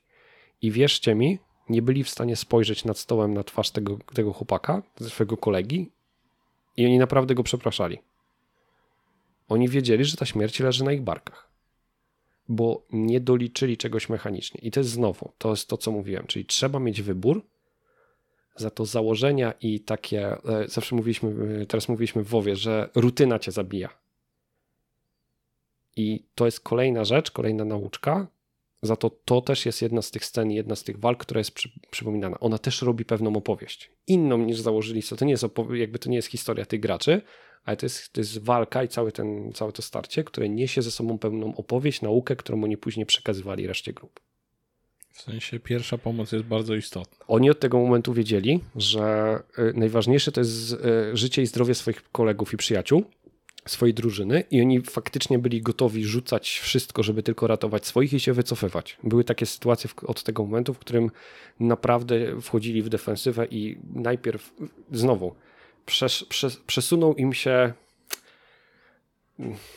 taki jakby styl trochę grania, czyli przede wszystkim chcieli przeżyć i jakby dbać o swoich, a nie być bohaterami, jakby zabić kogoś jak najszybciej. No i to też jest fajna opowieść. I, to I też... trochę jest to też odpowiedź na to pytanie, które wcześniej zadałeś, czy gracze zawsze heroicznie w Dedeku będą wygrywać za wszelką cenę? Otóż nauczyłeś ich, że może niekoniecznie tak chcą grać, nie? No to ja zostawię Państwa z taką dygresją zastanówcie się, czy, czy to były naprawdę mniej wartościowe historie. Opowiedziane trochę trzeba wyjść z tej perspektywy gracza, żeby mhm. obejrzeć tą historię w całości, ten obrazek w całości, ale taka czwórka bohaterów, którzy wiedzą, jaka jest stawka i wychodzi na śmierć z potworem, e, z potworem, który, który potencjalnie jest bardzo duża szansa, że ich po prostu zabije. I albo wracają starczą, albo nie ma po nich słuchu, bo po prostu nie wracają w ogóle. Albo ta historia z Banshee to też są dobre przygody, w sensie dobre fabularne historie, mimo że zostały opowiedziane w sposób czysto mechaniczny. Mhm. Okej, okay. dobra. E, czyli co, finiszujemy powoli? Finiszujemy. Dobra, bo jeszcze tak jak patrzę na nasze notatki, chcieliśmy pewnie trochę powiedzieć o roguelite'ach i mechanikach, ale to może sami je odnajdziecie. Ja tylko podpowiem, gdzie je szukać. Jakbyście spojrzeli na takie systemy jak Wesen, Inspectres, Acquisition Incorporated, czyli taki dodatek do, do piątej edycji, to zobaczycie pewnie pewne elementy roguelite, czyli pewnego progresu, nawet jak postać zginie. To mam nadzieję, że dzisiejszym, dzisiejszym naszą pogawędką przekonaliśmy Was do tego, żeby chociaż spróbować. Że to jest ciekawy styl do tego, żeby go eksplorować. To jest ciekawy do tego, żeby go poznać. I nawet jak jesteście wielkimi przeciwnikami, tak jak ja byłem jakiś czas temu, to słuchajcie, spróbujcie, bo może odkryjecie coś, czego się totalnie nie spodziewaliście. Do usłyszenia. Pa, pa.